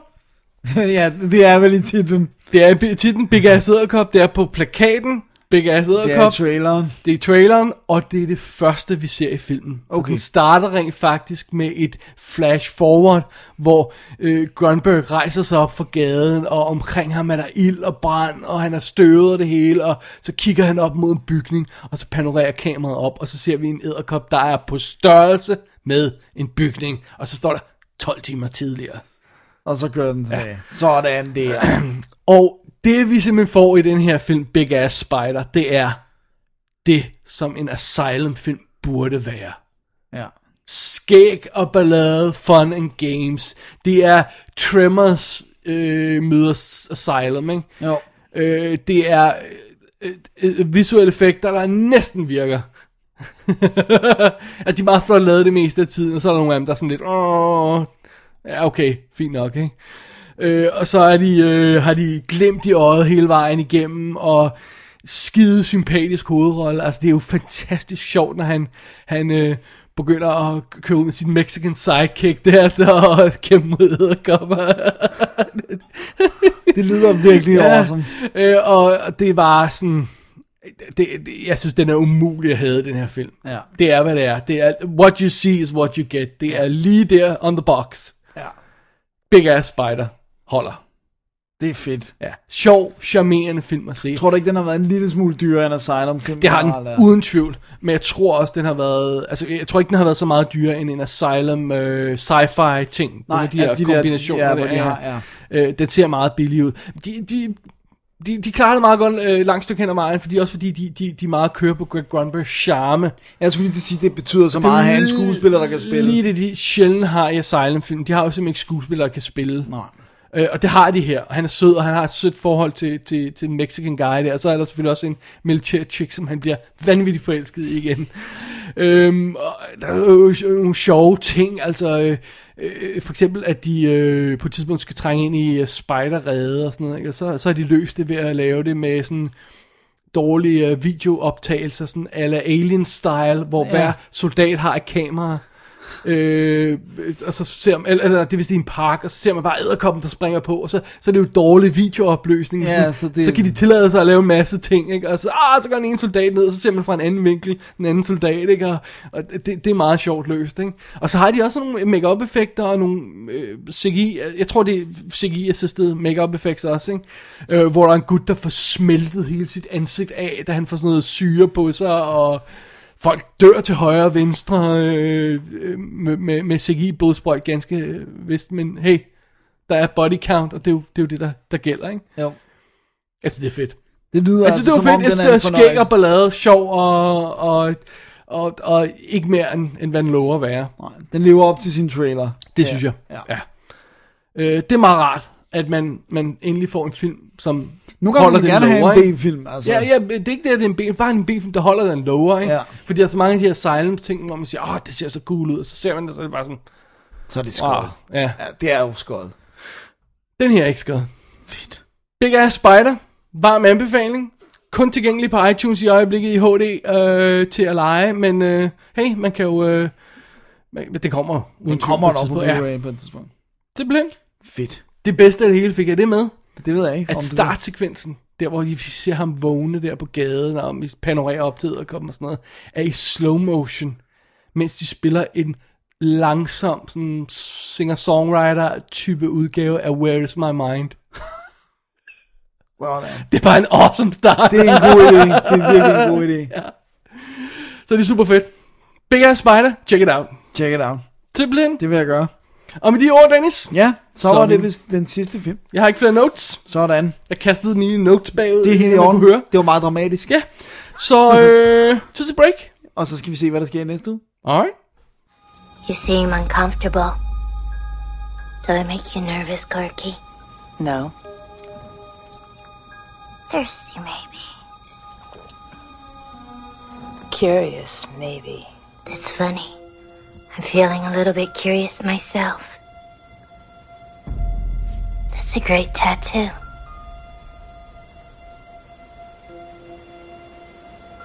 Beautiful Labras. Are you surprised I know what it is? Maybe. I have a tattoo. Would you like to see it? Med møg og besvær og Ja. et par enkelte uenigheder. Det Så der nåede vi øh, afslutningen af WD's Definitive DVD podcast, episode nummer 152. Gå til www.dk, klik på arkiv og klik på 152 for at læse, øh, hvad vi snakker om i dag, og øh, links til alle tingene. Og øh, jeg tror, jeg har været kreativ med linksen nogle gange, fordi jeg tror altså ikke, der er så mange, der har Hulu Plus i øjeblikket. Nej, det er fair nok. Ja. Det, den, den er lidt sværere at have gående. Jeg synes det. Så, Ja. jeg tror, jeg har linket til Til DVD'en, tror jeg, det var, jeg gjorde på den, ja, Ja. på, på Nightmare-tingen der, ja. Ja, det er også fair nok. Dennis, ugens anbefaling. Ja, Hvis du skal anbefale en af de film, du har snakket om i dag, Ja, til det- folk, hvad for en for, øh, film skal folk så se? det må jeg lige se. Da, da, da, da, da, Bum, bum, bum, bum. Jeg synes, altså, jeg, jeg tror, jeg vil sige Never Sleep Again. Det er, altså, jeg ved godt, den var fire timer, men det er sgu guf. Hey, du så den over to aftener, gjorde? Jo, jeg knækker den simpelthen på mig. Også fordi det jo er meget skarpt opdelt ved film 1, 2, 3 og så videre. Så man kan sagtens lige bide Så kan man måske også tage den i mindre bidder. Det kan man sagtens. There you go. Ja, det er jo kapitler simpelthen. Jeg tror, jeg vil sige, prøv at høre, check Deceiver ud. Ah, jeg Ja. troede, du ville sige Big Ass Spider. Jeg siger Deceiver, fordi jeg føler, det er sådan en, der bliver glemt lidt. Altså, det, jeg synes, det, det er uretfærdigt. Det er, en, det er en tight lille film. Fedt. God lille film. Cool. Det er godt Ej, med men. Fugitive from a Chain Gang har man selvfølgelig, så det behøver jeg ikke Ja, alt ja, det, den er i hvert fald mere kendt, kan man sige. Det ved jeg ikke, er den det? Ej, det er for folk, der går op i klassikere af. Måske. Sådan en er jeg ikke, så det... Nej. Fair nok. Alrighty. Det siger der ikke imod. Dennis, øh, næste uge har vi vel almindelig show, har vi ikke? Det har vi nemlig, og øh, der skal vi lægge puslespil. Puslespil igen? Ja, Nå, det bliver ret godt. spændende. Det er jo noget, vi virkelig godt kan lide. Pusle special. Puslespil. oh, oh, det var vores første videopodcast, vi sidder og lægger et puslespil. det er meget exciting. 5 timer show. Det er ligesom New Girl, når Winston kaster sig over puslespillet. Åh, oh, Det er så fantastisk. New Girl. Det er godt. Vi elsker New Girl. Det gør vi. Nå, det er en helt anden historie. Dennis, Ja, jeg tror, vi siger tak for i dag. det tror jeg også, vi gør. Mit navn er David Bjerre. Jeg hedder Dennis Rosenfeldt, Vi er Double D. Vi siger ting om film. og det gør vi også i næste uge. Oh yeah. Ej, du var med på den en gang, for en gang skulle du lave slet ikke ballade. Det er riffet. Det var fantastisk. Det er super godt. Vi er, en gang imellem er vi on point. Det, er- det er sandt. Det skal jo ske med sjældne mellemrum. Men jeg gør mit bedste for at ødelægge det. Wow, tænk hvis vi havde stoppet at snakke lige der, så havde det sådan en perfekt outro. Ja, men det blev det. Sådan blev det. God fornøjelse med God fornøjelse med filmen. Double D's Definitive DVD.